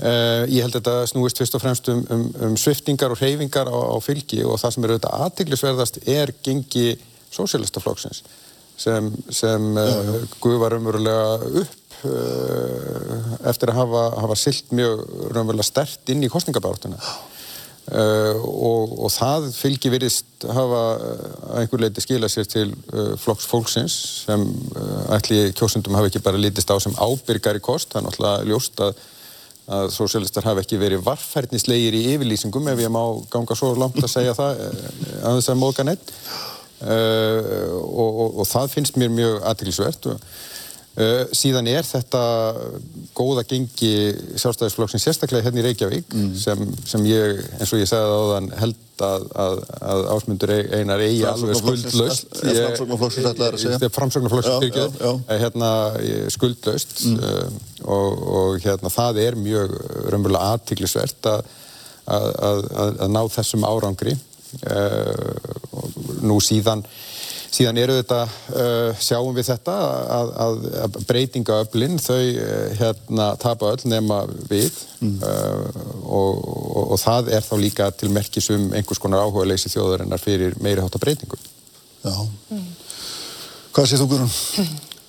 Erum við höfum engan áhuga breytingum? Er það þín, myndur þú taka þetta á nýðstöðum? Eða við bara að sigla áfram hérna? Nei, auðvitað ekki. Skrúum okkur bara í gang og höldum áfram á marsara sem við leiðum? Nei, guðmengóður, lífið er bara síbreyt, breytilegt og alltaf breytingum háð. En, en ég held ég, sko, mér finnst ég að hafa skinnjað það frá því að ég fór í prókjöruð í vor og, og í gegnum þessa kostingabartu að þjóðin held ég var mér þakklátt fyrir að fá þennan pólitíska stöðuleika sem var, kom með þessari ríkistjórn kannski fram að því frá hruni og fram að því að þá voru búin að vera margar kostningar og miklar eh, svona hræringar, mikið ákall einmitt um svona kerfisbreytingar en, en síðan kom bara svona ákveðin stöðuleiki og, og sumir hafa talað um og ég held að við erum eftir að einmitt nefnt það að mm. þetta hafi verið bara of mikil stöðuleiki og of lítið gert En, en... Já, já, við erum svona með smá uh, aðrar áherslu sko, í nokkrum málum, við þurfum ekki að fara yfir það hér.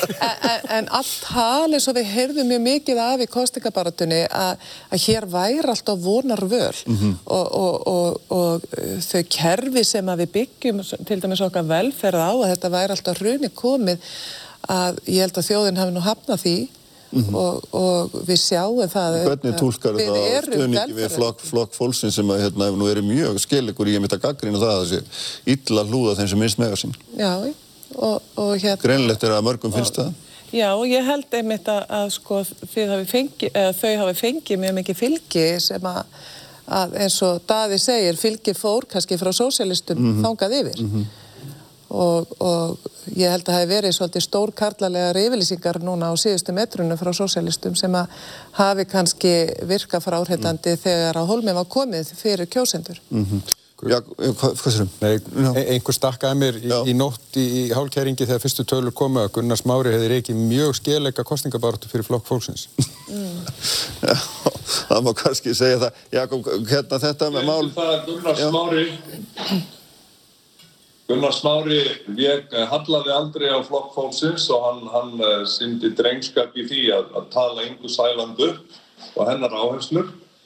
Ég held að hann hafi kannski og þau goldi fest á litið að, að tala uh, um það sem við flokkum undir stjórnarskráðan eignar rétt að það skildi taka til handagags og skera upp og kljúa fyrirtæki söndur og eitt og annað. Ég held að sömur hafi verið alltaf smekir við þá tilhugsunum að ef ætti að fara að hrópla við eignarétti í fyrirtækjum eða enga eigu þá gæti nú svona ímislegt annað farið að stað. Og við höfum svo sem bent á það að hugverk sem eru stjórnarskafarin eignaréttur þeirra sem eiga þau að það, það er á, á megin agendu pírata að, að, að gera þau afnema þann eignarétt og það er ekki varlega tala þegar þeirra á að fara að hyrða manni höfundarétti manns sem er kannski aðlega sumra eh, stjættabræður að minna á sýsta. Það held ég að sé, menn gjaldi varhugi slíku tali, en ég verði að segja að sósíalistum til hrós að þeir ráku glæsilega kostningabartu og grafíkinn þeirra var alveg stokkosleg enda Kristján E. Karlsson er fremsti grafíkar landsins þar í, í fararbroti og svo verði ég ljúka lofsórli á Sigtrík Magnarsson vinninn sem á þetta frábæra slogan uh, framsóknarmanna það er með því snjallara sem að heist hefur Já, hvað er Jakob Birnar rétt að, sko, hvernig munir þessi hópur sem að þið hafði helst til finna fyrir þessum aukna styrk ykkar á þinginu? Hvað er það svona sem að þið sjáu fyrir ykkur að, að gera þannig að, hérna, í þeirra þáum? Það er ekki lengur tveggja manna þingflokkur, þetta er sex manna þingflokkur, mjög samstíga, talar einum rómi. Þetta er eins og hljómsett sem að er búin að spila sama í áratíi ótrúlega samstiltur og jákvæður góður hópur. Þannig að ég held að fólk vil nú finna fyrir okkur á þinginu en ég bind vonur við það að þeir sem hafa verið okkur sammála í megin aðtöðu núna á síðustu dögum og vikum í kostningabaratuna þeir munu standa við sín loford og fyrirheit um að laga þetta. Þegar það er enginn sómi að óbreyttu ástandi þessum. Við verðum að taka á þessu og, og þegar, þegar svona öflug eh, hérna, niðurstaði likur fyrir eh, og, og víðar enn frá sko, okkur og, sjálfstæðismönnum, það er, það er margir búin að tala um þetta, þetta sé langulegu tímavært, þá trú ég ekki að það verði núna, ég skilur öll, tekja á þessu og þetta verði lagfært. Ingeberg, hvaða svona fyrir auðan þetta ríkistunartal sem við erum að tala um sem er kannski einhver sangkvæmisleikur bara í ögnumlikinu hvernig tólkar þú þetta umboð ykkar að öðru leiti hvaða svona hvað gerir það eitthvað kleift að gera sem þið gáttuð ekki gert að núna á hérna, þessu kjörtímabili sem við núna er að, er að ljúka? Já, síðastu kjörtímabili þá reyðast við í kjörusbreytingar í þá og barna og við höfum talað fyrir því að við viljum gera slikt í sama í tengslum við eldra fólki okkar. Og við viljum ráðast í kerfisbreytingar í helbriðsmálum og við höfum talað fyrir loftlagsmálum. Það eru stóru verkefni framöndan og, og við munum bara berjast að, að fullum þunga fyrir þeim. Hvað með svona mál eins og hérna, þjóðgarða miðhálendunum? Þú hefur verið hjá mér í þætt einu sinni þar sem að þú hefði mjög miklar efasendur um hann og vildir alls ekki að hérna, loka virkjanarsvæðum inn á miðhálendunum. Hvernig heldur þú að fara með slíkt mál? í þessari ef við segjum að verði sama ríkstjórn? Ég, ég held að fólk væri bara að setjast niður. Þessi umræði tengslum við miðhálandsþjókarinn, hún bara fekk ekki að þroskast og þróast og samtali sem var talið hafa átt sér stað, átti sér að greinlega ekki, bara hvað ég segja, það var, var greinlega ekki nógu gott og ekki nógu djúft og það var ekki sátt um þetta mál og ég held að, að vend og nýting geti farið vel saman og ég held að sé að ná niðurst eða fólk sést niður og er tilbúið til að ræða málinn og og hérna, nálgast, nálgast hlutin út frá skynsvegulega nótum.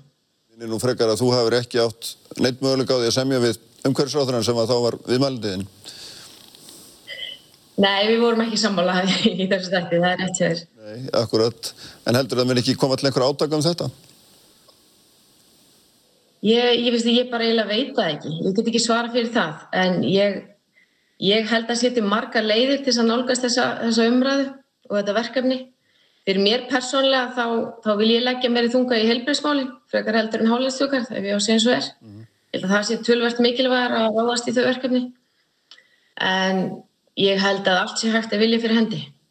Hvernig það er auðvitað, hérna, og vorum að tala um þetta aðan, þessi helbriðsmál, þau voru eitt af þessum bitbeinum sem að, eiginlega svona eina sem var virkilega ofinbært.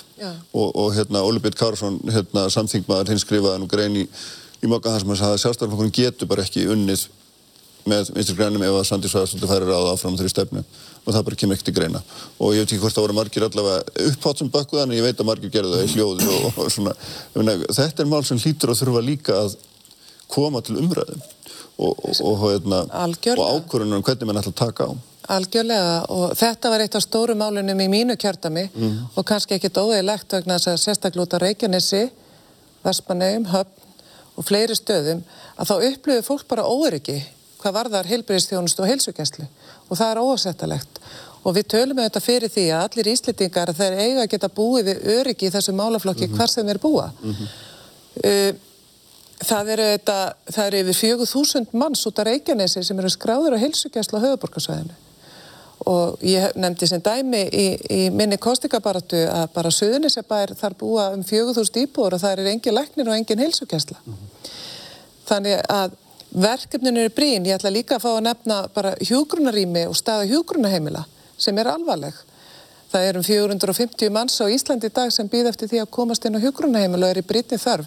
Þannig að þetta eru stórumálinn mm. og þetta verður að leysa úr og ég er þeirra skoðunar bara þegar við sjáum síðan. Þú hefur haft fjármálurræðandi svona ótrúlega lengi á síðustu 20 árum, ætti hann ekki vera búin að leysa úr þessu? Jú, en við eigum líka mjög gott heilbreyðiskerfi mm. Við eigum að byggja á sterkum grunni sem við eigum. Við viljum eiga gott, góða og, og, og góða opibera þjónustu. En ég er líka þeirra skoðan að verkefni framtíðarinn eru bara af þeirri starðagráðu og af, af þeim hætti. Þjóðin er að eldast mjög hratt.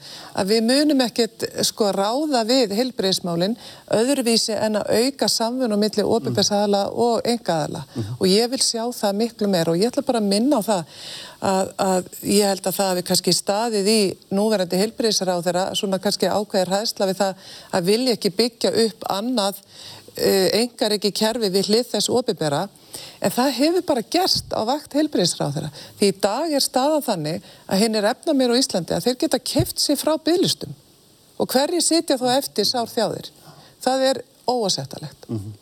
Þessu þarf að breyta. Ég held að verðum að hérna fá að slá botnir þetta með ykkur í byli daðið þú ferði hérna bara aftur upp í háskóla að kenna gerir í ráðverðir. Nú ætla ég heim og, og fara út að ganga með hundin ég er svona að sakna hans mjög. Hann, er, hann lítur á mig bara með miklum ásugnar augum já, ég kem heim, já. þannig að núna þarf ég að fara að sinna honum og, og fjölskyldunni. Já, hefur göfur í verkefni göfur í verkefni Er Jakob Fríman, hérna, aftur til hamingi og takk fyrir að með okkur, Ingi Björg sömulegis og hérna, heyrum síðar. Takk, takk fyrir að með okkur, hérna, Guðrún og Daðimár og við gerum sprengisandunum, ég ætla að tala hér á við þau Efi Há Önnudóttur og Huldur Þórustóttur á samt Guðmundi Stengrimsinni hérna eftir augnablík.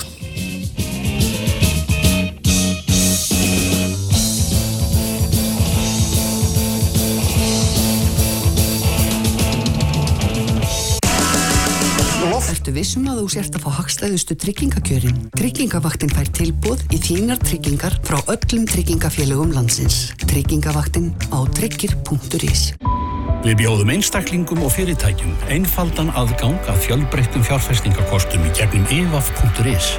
Íslensk verbreyð, óháð og fagleg eignastýring síðan 1987. Þegar kemur að bílaviðskiptum erum við hjá höfðabílum sérfræðingar. Höfðabílar.is Gleðjum okkur og aðra. Blóm gera kraftaverk. Íslenski blómabændur. Saumaklúpurinn er kominn á vatlegur. Kjóstu 20% afslátt.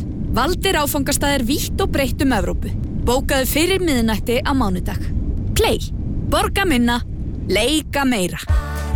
Það er minna mál en þú heldur að hlaða ráðbíl í fjölbíli. Ísorka, skeifunni 19. Píri Píri hotlustu vefjan, Hunángs hotlustu vefjan og nýja Barbecue Bob vefjan. Yummy. Sjáumst á Safran. Innocent kynir, ný og endurbætt supersmoothie vörlína. Nú með enn meira af vítaminum og trefjum í umhverjusvetni umbúðum. Innocent, enn meira af þessu góða. Nú bjóðu við Vísar, hægjendastólinn sem Íslendingar elska með 20% afslætti. Kondu núna og gerðu frábærkaup. Vísar, fyrir lífsins ljúfu stundir. Vók fyrir heimilið, síðumóru og akkuriri og á vók.is. Gott verð alla daga. ilmvatt.net Pottaplöntudagar í Blómavali og allar pottaplöntur á 25% afslætti. Eins og vanalega fáum við nýjar sendingar og spennandi og nýjar pottaplöntur í hverju einustu viku. Húsasmiðin og Blómaval, blómleg fyrir þig. Á Lind fastegnasölu starfa yfir 30 löggildir fastegnasalar með mikla reynslu. Konur og karlar á öllum aldri þannig að allir geta fundið sér fastegnasala með sitt hæfi. Kynntu þér málið á fastlind.is Tryggðu þér Mazda MX-30 100% rafbíl á frábæru verði með 5 ára ábyrð og 8 ára ábyrð á drifraflöðu. Brynborg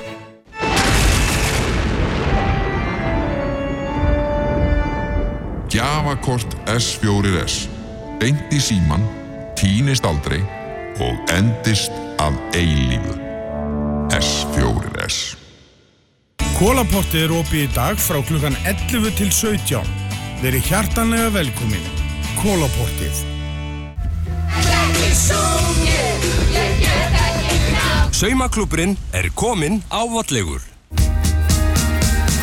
25% afsláttur af Lady málningu og lakki. Lady, engin venjuleg málning. Húsasmiðjan fyrir þig. Nú er veistla. Kauftu humarhala með 25% afslætti og gerðu vel við þig um helgina. Netto. Enski barinn opnar alla daga klukkan 12. Sjáumst á enska barnum við Austurvöll. Eru með mikið úrval af Oakley sólglerugum í útivistina. Optical Studio. Hunangsmarineraðar grísakótilettur. Okkar allra besta. Ali. Útsala á öllum stangaviðurum í Vesturöst, lögða í 178. Vesturöst.is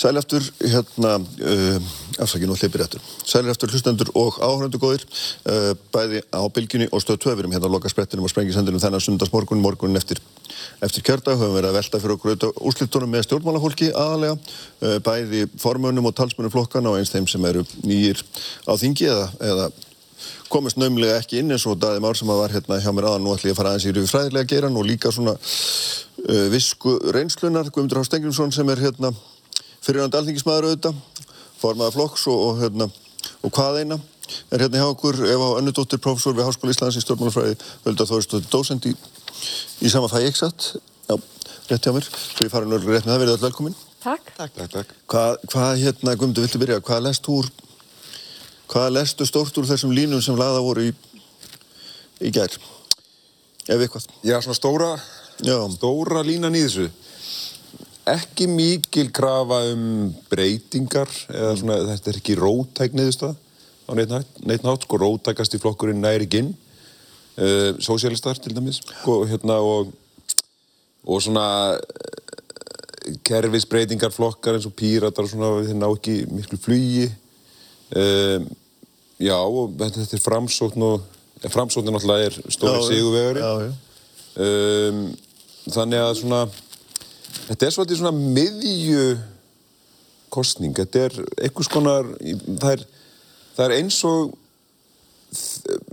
framstofnokkurinn nær sigri með slagorði sem beilinni segir við nennum þessu alla þessi er ekki bara bestað allt þetta, þetta er svona, er ekki bara bestað niðurstað, það er svona eins og langvarandi þreita gagvart pólitík, þannig að við erum ekki að fara að sjá neina svona miklar breytingar eða umbætur eða einhverja rótækni í íslensku pólitík og kannski er bara landslægið þannig mm, en eftir standa auðvitað spurningar samt sko þess að það eru úrlausnarefni og á þeim var, tæft í kostningabaratunni eins og í lofslagsmálum og svona og þess að framstæðanflokkurinn vinnur svona stór sigur þá er eiginlega stærsta spurningi núna hv- hvað er framstæðanflokkurinn? Hvað ættir hann að vera? Mm -hmm. Þannig vann á okkur svona svolítið já, skemmtilegu slagorði og svona og skemmtilegri ásjónu og framstæðanflokkurinn hefur gert þetta oft. Í raun og veru misti framstæðanflokkurinn baklandi sitt bara þegar sambandi fór á hausinn Mm. fyrir áratöfum síðan og hefur síðan alltaf þurft að sækja sér nýtt fylgi mjög mikið eins, og ég held að margar kannanís hérna, rennir stóðum undir það. Þannig að núna gerði hann það enn einu sinni og gerði það bara ágætlega. En hann getur í sögu sinni sótt alls konar sko rauk fyrir því að vera eitthvað. Hann er umhverfisvendarflokkur vegna þess að framstoflokkurinn stofnaði umhverfisráðundi á sínum tíma hann getur brostið til vinstri vegna þess að það var alltaf hefðin í framstofn einu sinni brostið alltaf til vinstri, fór eiginlega aldrei sjálfstæðisflokkurinn var aðal óvinnurinn hann var einu sinni Európaflokkur hann getur verið það, en að, hvað ætlar hann að vera? Og, og, veist, og hvert ætlar hann að brosa? Og það er spurningis núna sem blasir við. Og svo var aðeinslega að sjá hvað flokkur fólksins náði svona sigri á vinstri vegnum og, hérna, og það var ófyrir séð og merkilegt. Já, hvað, hérna, ég má sko bara byggja ykkur að taka hennan bolta bara áfram. Já, ég get sannlega tekið undir með Guðmundi að hérna, framsnaflokkurinn er, hann er náttúrulega ótrúlegur í að endurskapa sig, Mm. myndi maður jafnvel ganga svo langt að segja, svona fönix íslenska stjórnmála.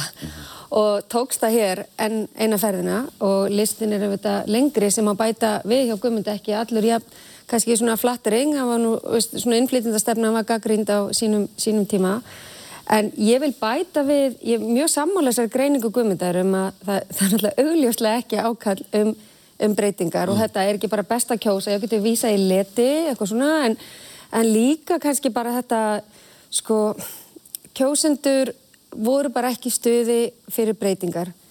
Já, meira hlutin, að minnst að kosti. Þetta er hérna drjúur Já, hluti já, sem kýst já. breytingar. Og hver skildi nú vera ástæðan fyrir því? Um, hún er uh, að minnst að kosti tvíþætt sem ég dettur í hug.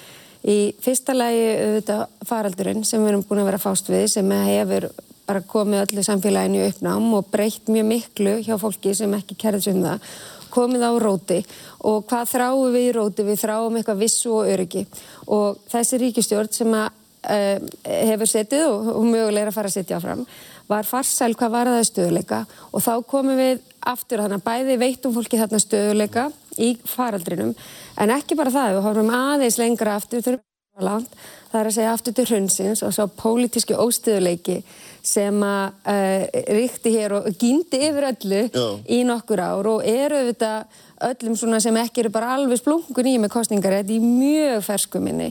Þannig ég held að það sé svona ákveðið þakklæti fyrir þennan stöðuleika að fólk þurfi ekki alltaf að vera ergja sig á pólitíkinni, kjósa aftur, mæta á austuvöll eða, eða verja sitt fólk að hvar nú, nú Þannig að stendur. það er nóg að standa sér bara svona skikkanlega og gera eitthvað vittlisu og þá, hérna, Ég sko í ljósi, Mm. ljósi bæði faraldusins og þessa, þessa ára sem við höfðum eftir hrun. mm hvað heldur þú Eva?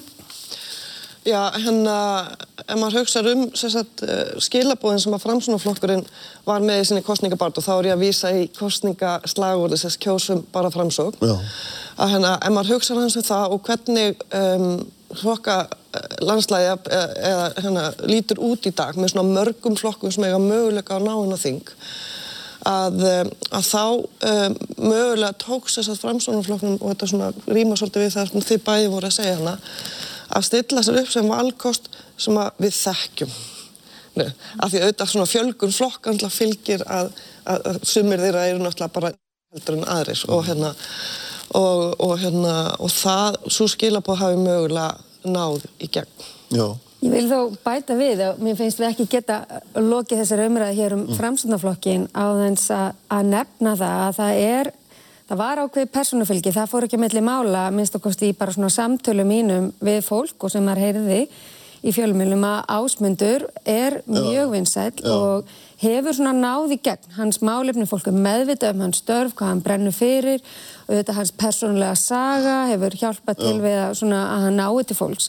Þannig að það er engin spurninga auðvitað á hann drjúan þátt líka í þessum mikla árangur og þá sérstaklega í Reykjavík. Já, já, hann tvöfaldaði held í fylgi framsflokksins. Eigum við ekki mynd af, mynd af Reykjavík hérna norður sem við getum séð þar sem við sjáum hvernig hérna, fylgi hefur þróast. Uh, ég þetta, uh, fer ekki nátt með það að hann hafi tvöfalda fylgi framsflokksins og sem hefur nú framsflokksins verið mjög miklu vandræðum í Reykjavík.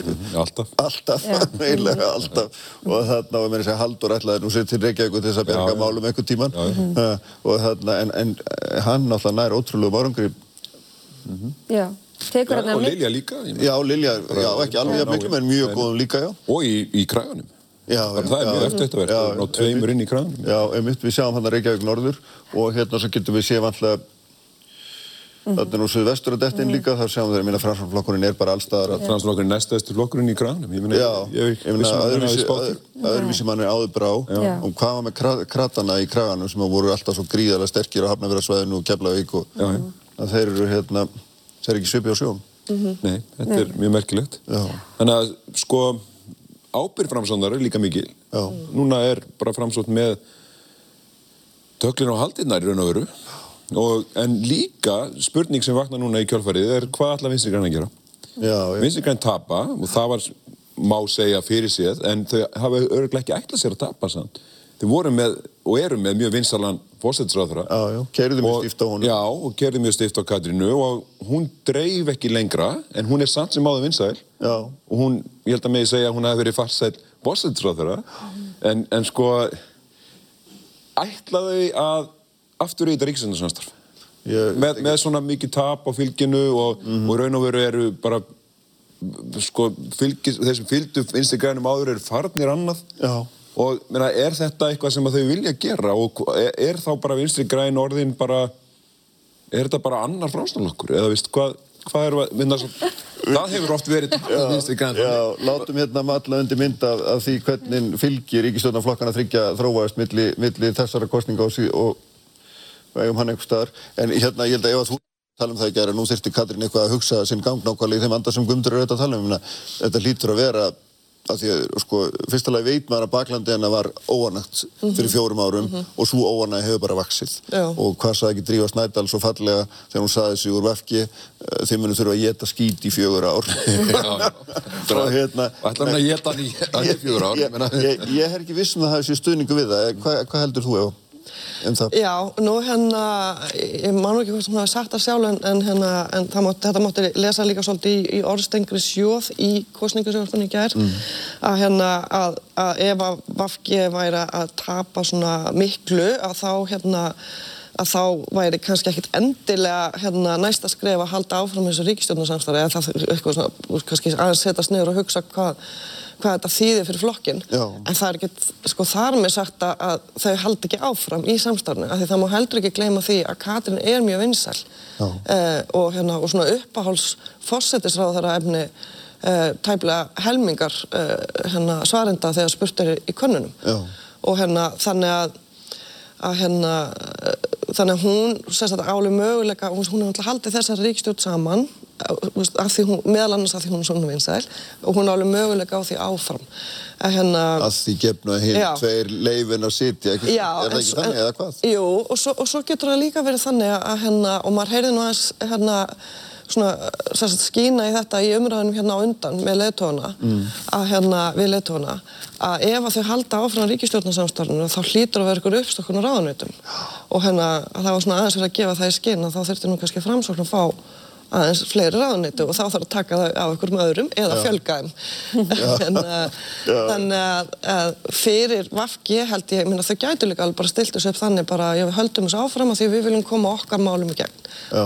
þannig að hérna, ef að þau ná góðum samningi við, hérna, eða samkomulag um ákveðin leikil mál þá veist, ég meina það kom mjög óvart síðast 2017 og skildi fara aldeilis, þannig að- aldeilis, aldeilis Við vitum náttúrulega að samstarfi gengi vel, þessir formen, það er að segja mi- milli formanna Já, já. að, að, og það þetta skiptir máli. Svo líka höfum við mjög áhugaverðar greiningar úr íslensku kostingarannsókninni sem við Eva Heiða erum uh, aðlar að. að það sem að við skoðum eftir hvað flokk fólk ætlar að kjósa og hvernig vil sjá sem fósættisráðura og að auðvitað er tendens að fólk vil formann síns flokks eh, en það sem er mjög ábyrrandi að þegar við skoðum til dæmis þeir sem ætla að kjósa sjálfstæðisflokkin er það að það er undabili helmingur, fer ég ekki rétt með það sem að helmingur uh, þeirra sem ætla að kjósa sjálfstæðisflokkin sem segist vilja sjá Katrínu sem fósættisráðara Já. og það auðvitað kemur mögulega inn á svona ákveði kannski svona sálfræði hjá- kjósendu sjálfstæðisflokksins, það er svona íhaldselementið, bara Bjarni verður haldið um byttuna, Katrín heldur þessu saman, Mhm. það gengur fínt, höldum þessu áfram.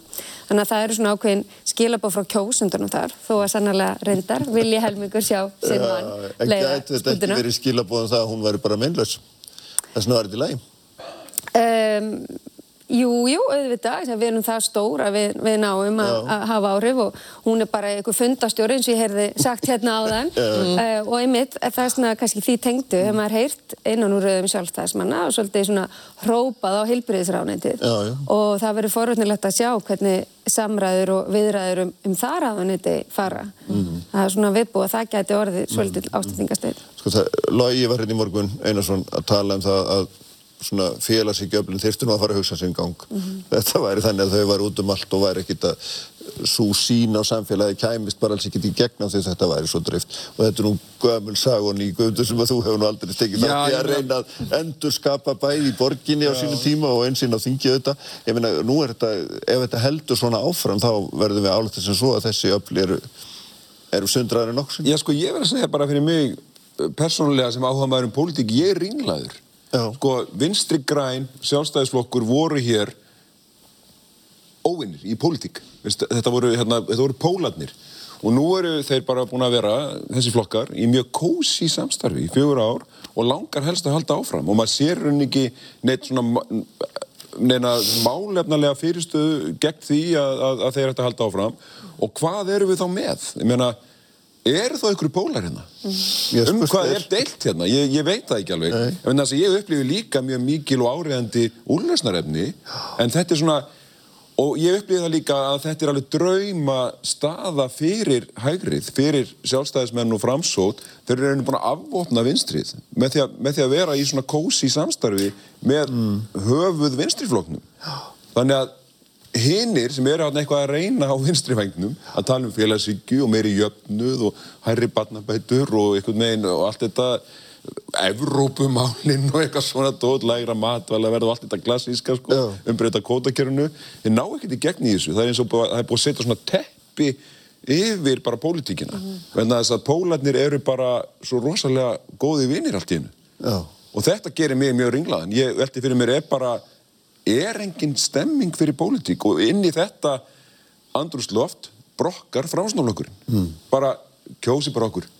Veist, og, hérna, ég veit ekki alveg hvað hluta til auðvitað var verið að kjósa bara þrýegið það var svona eitthvað svona að halda þessu gangandi. Mhm. en eftir stendur bara spurningin ég menna um hvað er dilt á Íslandi? Um, um hvað er þetta? Eru við bara eitthvað svona sviss það sem allt er bara í lægi og, og er sósialistaflokkur á Íslandi bara jætt fáránlegur og sósialistaflokkur í Sviss. Veist, skilur við, bara þetta er, þetta er bara svona, fólk er bara meira og minna nokkuð sátt. Já, þú varpar fram svo mörgum góðum spurningum og þið hafa nú verið að skoða íslenska kostningahefðun núndið margra ára, ég minna.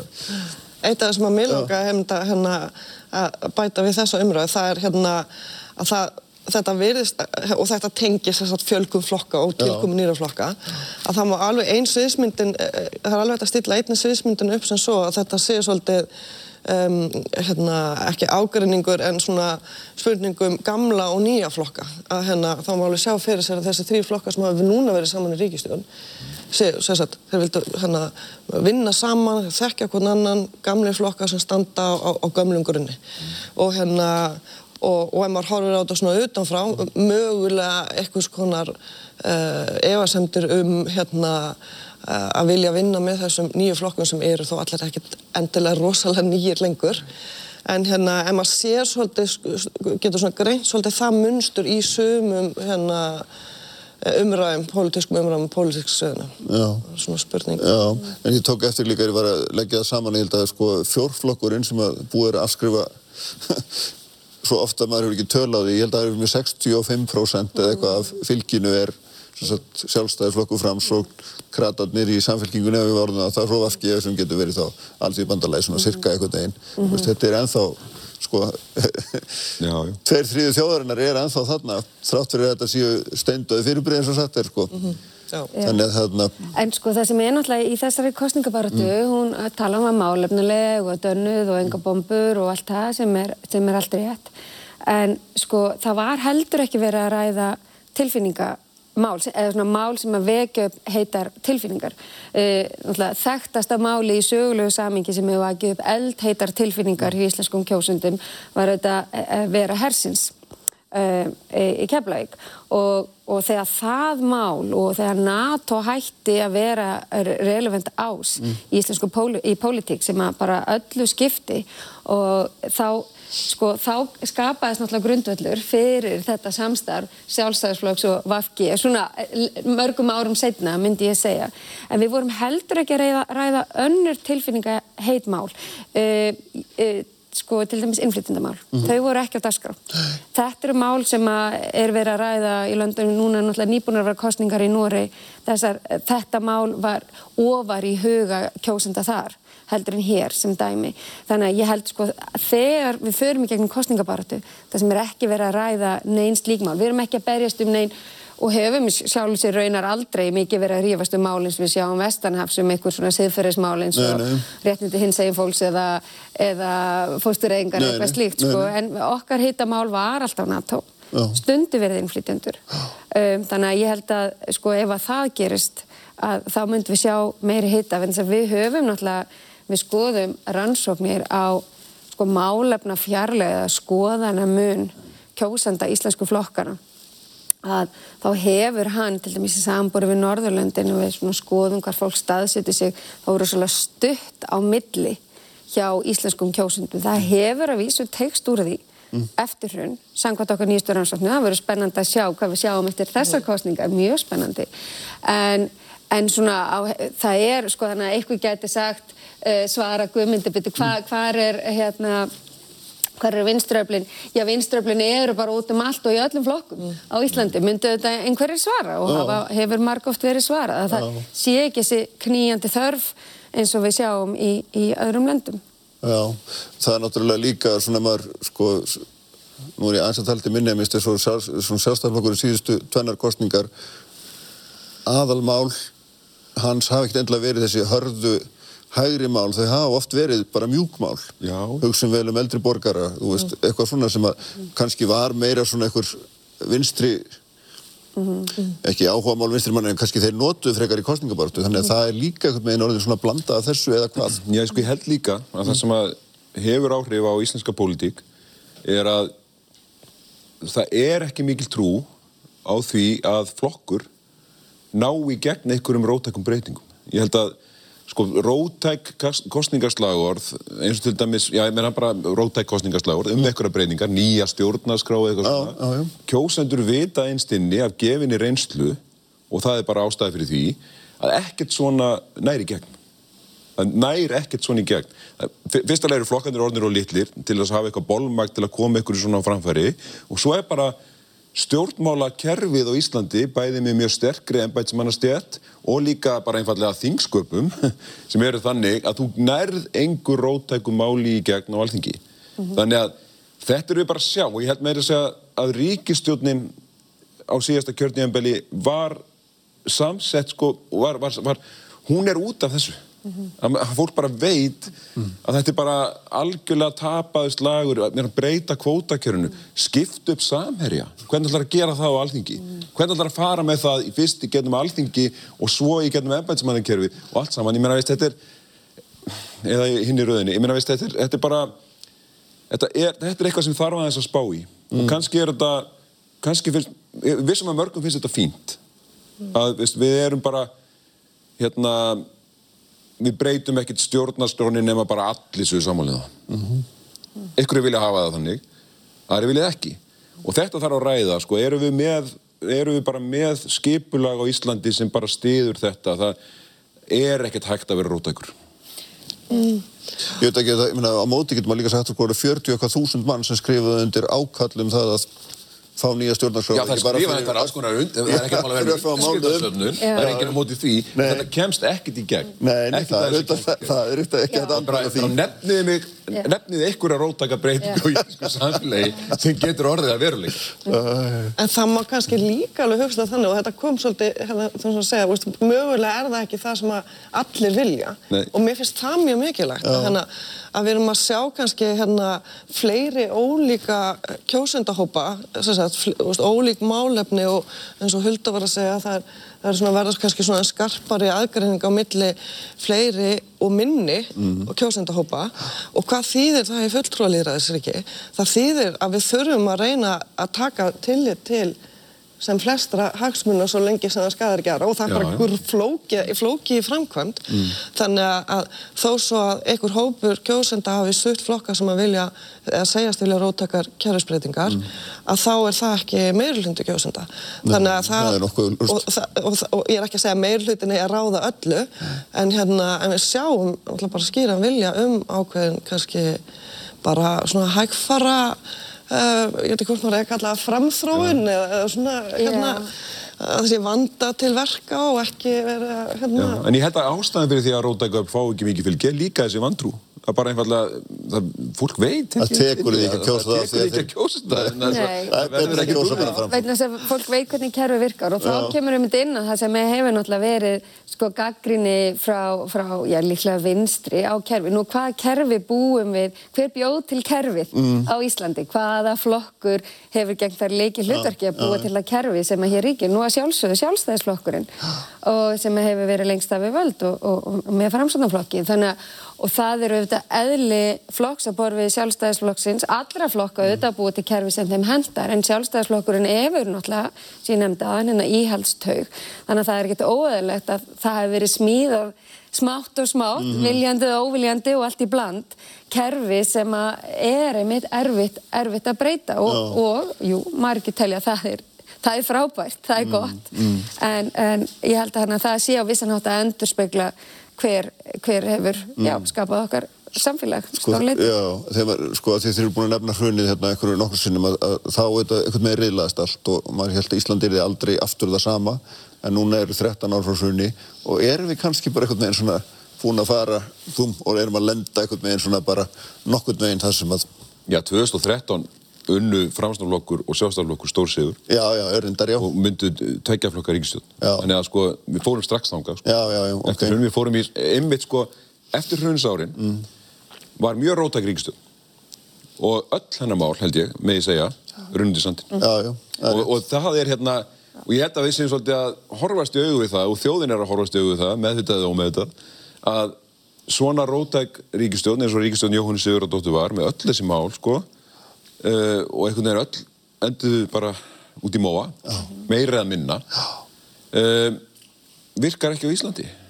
Og það er svona stóra spurningin sem að mér vist blasa við svona eftir þennan, eftir þessa sirpur undanfærið, sko. mm. Bara hvað eru við með, sko. Já, eitt af því sem maður getur líka séð held ég er að flokkar sem töluðu mikið um að hérna, hækka skatta, auka ríkisútil, píratar til dæmis, þetta er hérna, sósælistöfnir, uh, samfélkingin ætlaði að setja á stóregnaskatt, þetta er ekki, þetta flýgur ekki, Nei, sko, ekki vel þó að kannski lægri skatta sjálfstæðarflokkinu flúi ekki sérstaklega vel heldur en ég meina, ég veit það ekki. En, kannski er Íslinga bara íhaldsamir eiga, Já, eiga skeggjar. sko, bara. já, ef maður reynir sko, ef maður er geimvera og horfir á jörðina og horfir á lönd jarðar, ef við reynum að taka þannig hérna mjög stóra mynd, Já.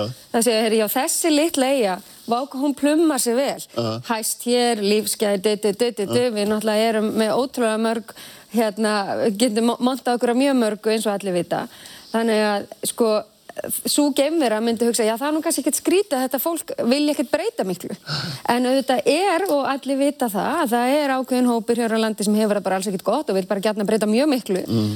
og það mögulega endurspeglast náttúrulega í þá kannski góðu uh, gengi flokks eins og flokksfólksins Já. sem að er bara brennur fyrir þessu máli og, og einhver öðru að bæta hag þeirra vestötu þannig að við sjáum þar hvað endaði flokku fólksins með að fá nú þegar ég að kíkja, kíkja hjá mér Réttæf 9% Já, er svoleiðis? já, rétthæf 9%. Þannig að það er, það er einn af hverjum tíu. Já, já. Um, en, að- en svona, já, ef við tökum, uh, tökum þetta, þetta sjónaröð, þá er það kannski ekkert skrítið. Já. Þó að við sem að lifum á hrærumst og e, í þessu og erum með alls konar skoðanum, við sjáum ímislegt kannski sem við viljum breyta hingað og þangað. Já, einmitt. Það er hérna, svo sem auðvitað var gæfin mjög mjög við sáum að Sigmundur Davíð var nú næstum horfin að sjónasviðinu og var það nú lengri part nætturinn og hann tókst nú að að redda sér og þarna, svo maður nefnir nú eit- eitthvað dæmi og, og hérna, sósjaldinir auðvitað, sko, hérna, komast ekki inn og það var nú merkilegt, ég ætla nú ekki, að- ég er búinn að tala eins um þessar kannanir, það var nú merkilegt hvað þeir voru ofmældir, er það ekki, með að við Hverjir? Sósjaldinir dæmis, þeir voru allstaðar inni og, já, já, þetta var allt ofmæld. Já, þeir voru eh, sko aðeins ofmældir en í síðustu könnunum þá var þessu ofmælinga, ég er náttúrulega búin að taka þetta saman, veit þessu, það. Að hérna, Við höfum svakalega stuttan tíma það var alls ekki mesta skekkjan á þeim. Nei, nú var það ekki, nei. það Nei. var bara, ég myndi segja innan hefbunduna skekkjumarka, mælingar á, á sósílistaflokkum í síðustu skoðanakonum. Já, einmitt. Herðu, við hefum eftir núna einhverja 30-40 sekundur, það er bara einstuð spurning á ykkur öll, núna sem ég ætla að byggja ykkur að svara. Fáum við nýjan fórstinsræðra? Viltu byrja Guðmundur? Bara östuð. Eh, Ég held ekki. Heldur ekki? Nei. Ég ætla að vera sammála, kollegum mínum hér. Já, ok, það verður saman fórstinsræðra. Þá er það bara ákveðið, þá hefur við hérna, afgreið það mál, það er ekki ræða það frekar. Uh, verðum að láta sprengisendurinn lokið í dag þessum óvinnilega sprengisendur sem bæði hefur verið sendur út í sjónvarpi og útvarpi. Uh, þakkum við þetta öllum gestum okkar fyrir að, vera hér og öllum sem aðstóða okkur við þessa miklu útsendingu og svo sjáum við hvernig þessi ríkistjórnarmyndun fer, hvort það verður eitthvað spennandi